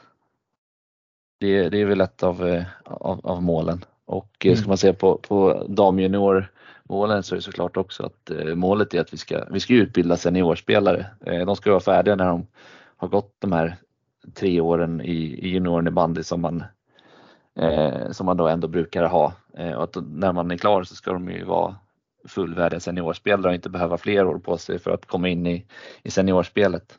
Och det bygger ju oftast mycket på att, eh, ja, man, att man då får, får rätt sorts utmaning och, och, mycket av den utmaningen får man ju när man når bra resultat rent eh, innebandymässigt. Och tänk, om man Precis. tänker bra, bra resultat i JAS så att man hamnar på innebandyfesten då får man ju helt, an, helt, andra, helt annat motstånd ska man säga i, i matcherna och då får man ju mycket, mycket bättre bild av vad det är som faktiskt krävs för att, eh, för att spela högre upp och, och vad man behöver utveckla för att, eh, för att nå. Så det blir en balansgång men eh, vi har väl sagt mm. att i, i vår juniorserie så ska vi i alla fall eh, komma till playoff. Det är väl minsta eller det kort, ja, kortsiktiga men, målet. Ja men det tycker jag väl inte är något orimligt, orimligt alls. Det är väl ett sunt mål tänker jag att börja därifrån och sen så får man ta det vidare på så, på så vis. Um, ja, nej men eh, jag tänker som så här att eh, vi har ju begärt in att få in lite frågor till dig eh, på vår mm. Instagram här så jag tänker att jag ska eh, dra till med några här och eh, det, det, är högt och lågt. Jag kommer inte att säga vilka som har ställt frågorna utan du kanske kan, vissa av kan man kunna gissa dig till. Eh, och eh, första frågan är vad är en rimlig närvaro på träningen snedstreck snakes? ja, eh, ja, det är ju mitt, eh, mitt 2-5 gäng. De, eh, ja, de eh, kan ju titta i poängligan och se vad som, vad som krävs för, för min del i alla fall. Ja, det, Nej, men, den, den, slog, men, den slog ner ganska snabbt där alltså. ja, det där, det kan de ta, ta på träningen nästa gång. Ja. ja, nästa fråga. Vad är ditt hemliga trick som fortsatt forma Täbys FCs D-trupp till en av Sveriges bästa? Oj, eh, skulle säga att vi är väldigt, väldigt bra människor runt omkring mig i, både ledarstab och, och, och, spelare. Det mm. känns faktiskt som att vi har fått en, en bra sammansvetsad grupp och vi har lyckats med det eh, genom åren överlag tycker jag. Och eh, vi har då lyckats få fram en, en väldigt bra offensiv innebandy som vi tycker är rolig att spela och tycker ja, vi tycker i alla fall det är roligare att spela en offensiv innebandy så det är det vi försökt bygga varje år med, med hög press och försöka mm. vinna boll högt och, och, och, mycket, mycket i den stilen. Det är väl det som varit mitt framgångsrecept som, som tränare nu på, på senare år i alla fall. Mm. Ja, spännande. Eh, vi hoppas att det var ett svar, bra svar på frågan. Eh, jag hoppas nästa det. Fråga. Jag vet inte hur mycket man ska gå in på detaljer. Nej, fast, du ska inte avslöja alla hemligheter. Nej, du ska inte gå in avslöja alla hemligheter. Det finns en anledning till allt tänker jag. Exakt. Eh, den som ställde frågan kan kontakta Viktor privat så kan han säkert ge dig några tips om det skulle vara så. Absolut. Eh, nästa fråga så har vi, vem skjuter hårdast i DI-klassen i Stockholm? Oj, jag som skjuter hårdast? Ja. Ehm, det beror på. Eh, dragskott så eh, är det väl Josefin Nylander skulle jag tro i alla fall. Ja, ett jävlar, ruggigt dragskott. Ja, det är mm. ruggig. Starskott, eh, jag vet inte. Har, det är någonting man ser mycket. Har man vi någon spelare som har en bra slagge? Tror fan inte att det är mycket tjejer som kör slagskott alltså. Ja, men vi har ju vi har ju några som har bra slagg hos oss. Eh, Hedvig eh, Rosdahl Folkesson, född 07, bra slagg. Eh, Vilma Sjöström har ju bra slagg. Även om hon kanske utnyttjar dragskottet mer. Men det, det, finns ju de som har bra, bra slagskott. Eh, alltså, även om de inte används lika mycket som, som dragarna. Det är ju magiskt att få se en back dra till med en riktig slagge från halva plan. In i, in i nätet alltså. Det är inte mycket mm. som slår det alltså. Nej, det, det är ehm, fint. Vi tar eh, nästa fråga. Eh, vad gör du helst? Sätta bästa backen som forward eller bästa forwarden som back? Um, beror på vad det är för match men det är alltid kul att sätta en, en duktig forward som, eh, som back. Um, har försökt ändå jobba lite med det att man, man har bytt lite positioner på, på spelare eh, för att de ska utvecklas. Det, I det spelet vi, vi, spelar så vill man ju att alla ska förstå alla positioner också ifall man hamnar där. Så det är väl aldrig fel att sätta en forward som back för det händer ju mer sällan skulle jag säga än att man har en back som, som spelar forward en match. Eh, jag håller helt och hållet med på det här. Eh, jag har flera gånger faktiskt dragit ner forwards på backen. Eh, jag gjorde det i distriktslaget med Flickorna 03. Då drog jag ner Victoria Wallenhov som spelade center som back. Gjorde det fantastiskt bra. Spelade på två backpar sen också till slut. Sen i nu med 04 så drog vi ner Tia Arvidsson som spelar i AIK idag. Satte henne som back och det gick ju bra för henne. Hon kom med i All-star team och allt sånt där. Mm. Men just det här och nu har jag dragit ner en forward till i Tullinge på backen och det är liksom så här för att eh, forwards har ett visst tänkt rent offensivt och när man är ett lag som kanske vill ha mycket boll så är det väldigt viktigt att ha spelskickliga backar eh, som vågar tänka offensivt. För det som jag kan uppleva ibland med DJ många gånger är att många backar som har varit backar länge eh, kanske inte liksom är lika framgångsrika på att våga driva spelet framåt och, liksom, och liksom komma med fart in i offensiv zon och bidra där utan man liksom har stått och väntat liksom lite på halva plan. Vi spelar liksom lite, lite alibi ibland. Eh, men just att när man gör om forwards till backar du får en helt annan offensiv dynamik i backspelet. Eh, du får rätta mig om jag har fel men det är min upplevelse i alla fall. Ja, nej men de är ju vana vid att vara högt upp i plan så de vill ju vara mer involverade. Eh, det är bara att titta på Lovisa Blomqvist hos, mm. hos oss i Täby som tidigare varit, varit forward i, i princip hela sin karriär. Sen så kanske hon ser upp på mig för att jag flyttade ner henne som, som back men det har uppenbarligen gått bra hon spelar ju back nu i, i distriktslaget också. Så det, det funkar uppenbarligen och jag tycker hon har gjort det väldigt, väldigt bra i den, i den rollen mm. även om det varit lite ovan. Ja, eh, vi tar nästa fråga. Vad saknar Stockholmslagen främst för att ta del av slutspelskakan i innebandyfesten? Eh, ja men det är väl mycket, mycket tempot, mycket intensiteten skulle jag säga. Eh, generellt sett så kan man säga att intensiteten i Stockholmsserierna är lite för låg och eh, jag tror det mm.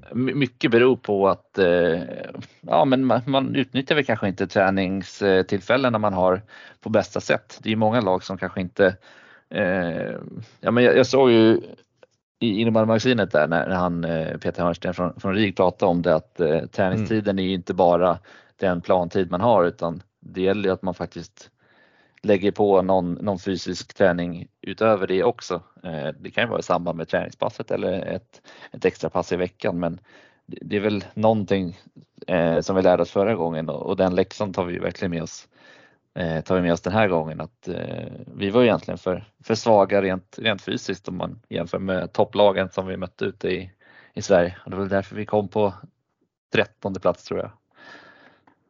Och det var väl bäst bland, bland Stockholmslagen så det, det kanske säger någonting. Eh, kul att du nämnde det med fysen för vi kommer komma tillbaka på det. Eh, men annars så är det för dålig konkurrens generellt. Eh, kvaliteten är för dålig på det i serierna så att liksom, där tappar man ju också ganska mycket i den matchtiden blir liksom inte kvalitativ på det sättet heller och man blir inte satta under det ställs inte frågor så man kan inte förbereda sig på samma sätt heller inför ett, ett slutspel. Eh, Speciellt när man gjorde om det här upplägget nu också. Men vi mm. lämnar den frågan därhän och eh, går vidare på att ställa frågan göra många mål och släppa in ett par stycken eller göra få mål men hålla nollan. Och här har ju redan sagt hur du vill ha det egentligen. Ja, eh, full gas. Man får räkna, ja, full gas framåt. Nej men ja, får man räkna med att eh, slinker in ett par bollar men eh, jag menar jag vinner ju hellre med 10-2 än med 2-0. Ja, nu var inte det ett alternativ men okej, vi kör på det. Nej men som exempel. Fullt ja. Alltså. ja, det är rätt. Ehm, och eh, jag tänker här, nu har du fått en fråga från Täby FCs Instagramkonto så jag är väldigt intresserad av att höra här eh, vad du säger. Du frågar så här. Fys före, fys efter eller fys före och efter träning? Ja, eh, det, beror på, det beror på vilken sorts fys man, eh, man kör om man ska köra både före och efter. Men eh, det är väl bra med lite blandning. Det kan alltid vara bra att kliva in i, eh, i en träningssituation efter att man har kört en, en hård fys. Då får man ju ändå känna på hur det är i kupper och hur det kommer vara under innebandyfesten när, när matcherna duggar tätt. Så det är väl aldrig fel att man faktiskt lär sig och, och hantera det och då får man spela lite med, med huvudet istället för kroppen. Ja, och det låter ju ändå rimligt utifrån det som du sa här på innebandyfasten där ni upptäckte att ni var fysiskt svagare än många andra lag och att då liksom sätta prio på det känns väl ändå ganska sunt. Eh, det, har ju mm. liksom, det handlar om att ta lärdom av det man, det man har sett ute i, i andra delar eh, av Sverige när man möter lag därifrån. Um, ja, eh, eh, det är en som frågar sig så här, jag har hört att man får bra betalt i Täby. Eh, hur mycket handlar det om? Eh, du, du behöver inte nämna några summor, men får du en sticka? Det är frågan. Ja, alltså det är ju, det är ju ett arvoderat uppdrag. Som jag, jag får ju betalt för, för det jag gör. Sen är det kanske inte, det är kanske inte superbra betalt som man kanske ja, ställer då i frågan. Men man får Nej. i alla fall lite för det. Ja, men det, det är, man är inte inbandytränare ledare för att bli rik så kan vi konstatera i alla fall. Nej, det täcker ju bensinen i alla fall. Ja, det, det är det viktiga liksom. Ja. Fast du bodde ju i Täby så du har ju ganska bra ställt där också i alla fall. Det är väl alla dessa matcher. Ja, ja, det är alla matcherna de här IFU Arena tripsen. Då blir det lite. Typ vär, Värmdö borta, någon match där kanske det i serien. Ja, ja, det blir en bit. De försöker ja. jag undvika. Men ja, det är, det är sunt ändå. Och sen har vi den sista frågan här och eh, här vill vi ju verkligen höra. Och eh, vad bipar du? Oj, eh, det, det är okänt just nu. Eh, förmodligen alldeles för dåligt. Eh, ja, det var, det var länge sedan jag gjorde det. Jag har ju, jag har ju lovat att jag ska vara med men det har, har väl känt av lite små skavanker varje gång det har vankats bip. Men eh, nä, nästa gång lovar, lovar jag vara med. Då får vi ett resultat. Förhoppningsvis över nio i alla fall. Ja, vi får väl med tanke på att du har kört anchor break ett par gånger tidigare så får vi väl eh, se om det blir något BIP-resultat nästa gång då. Ja, exakt.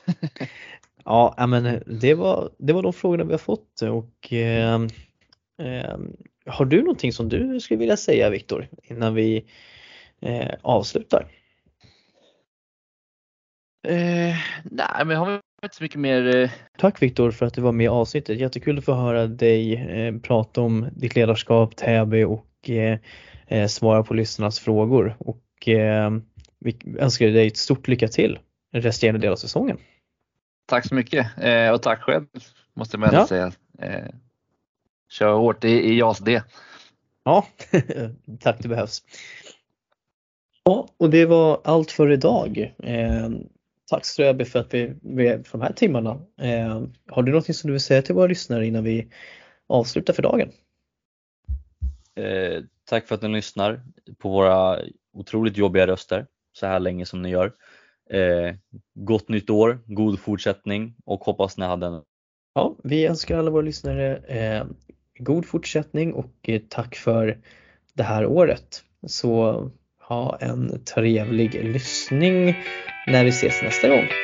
Hej då!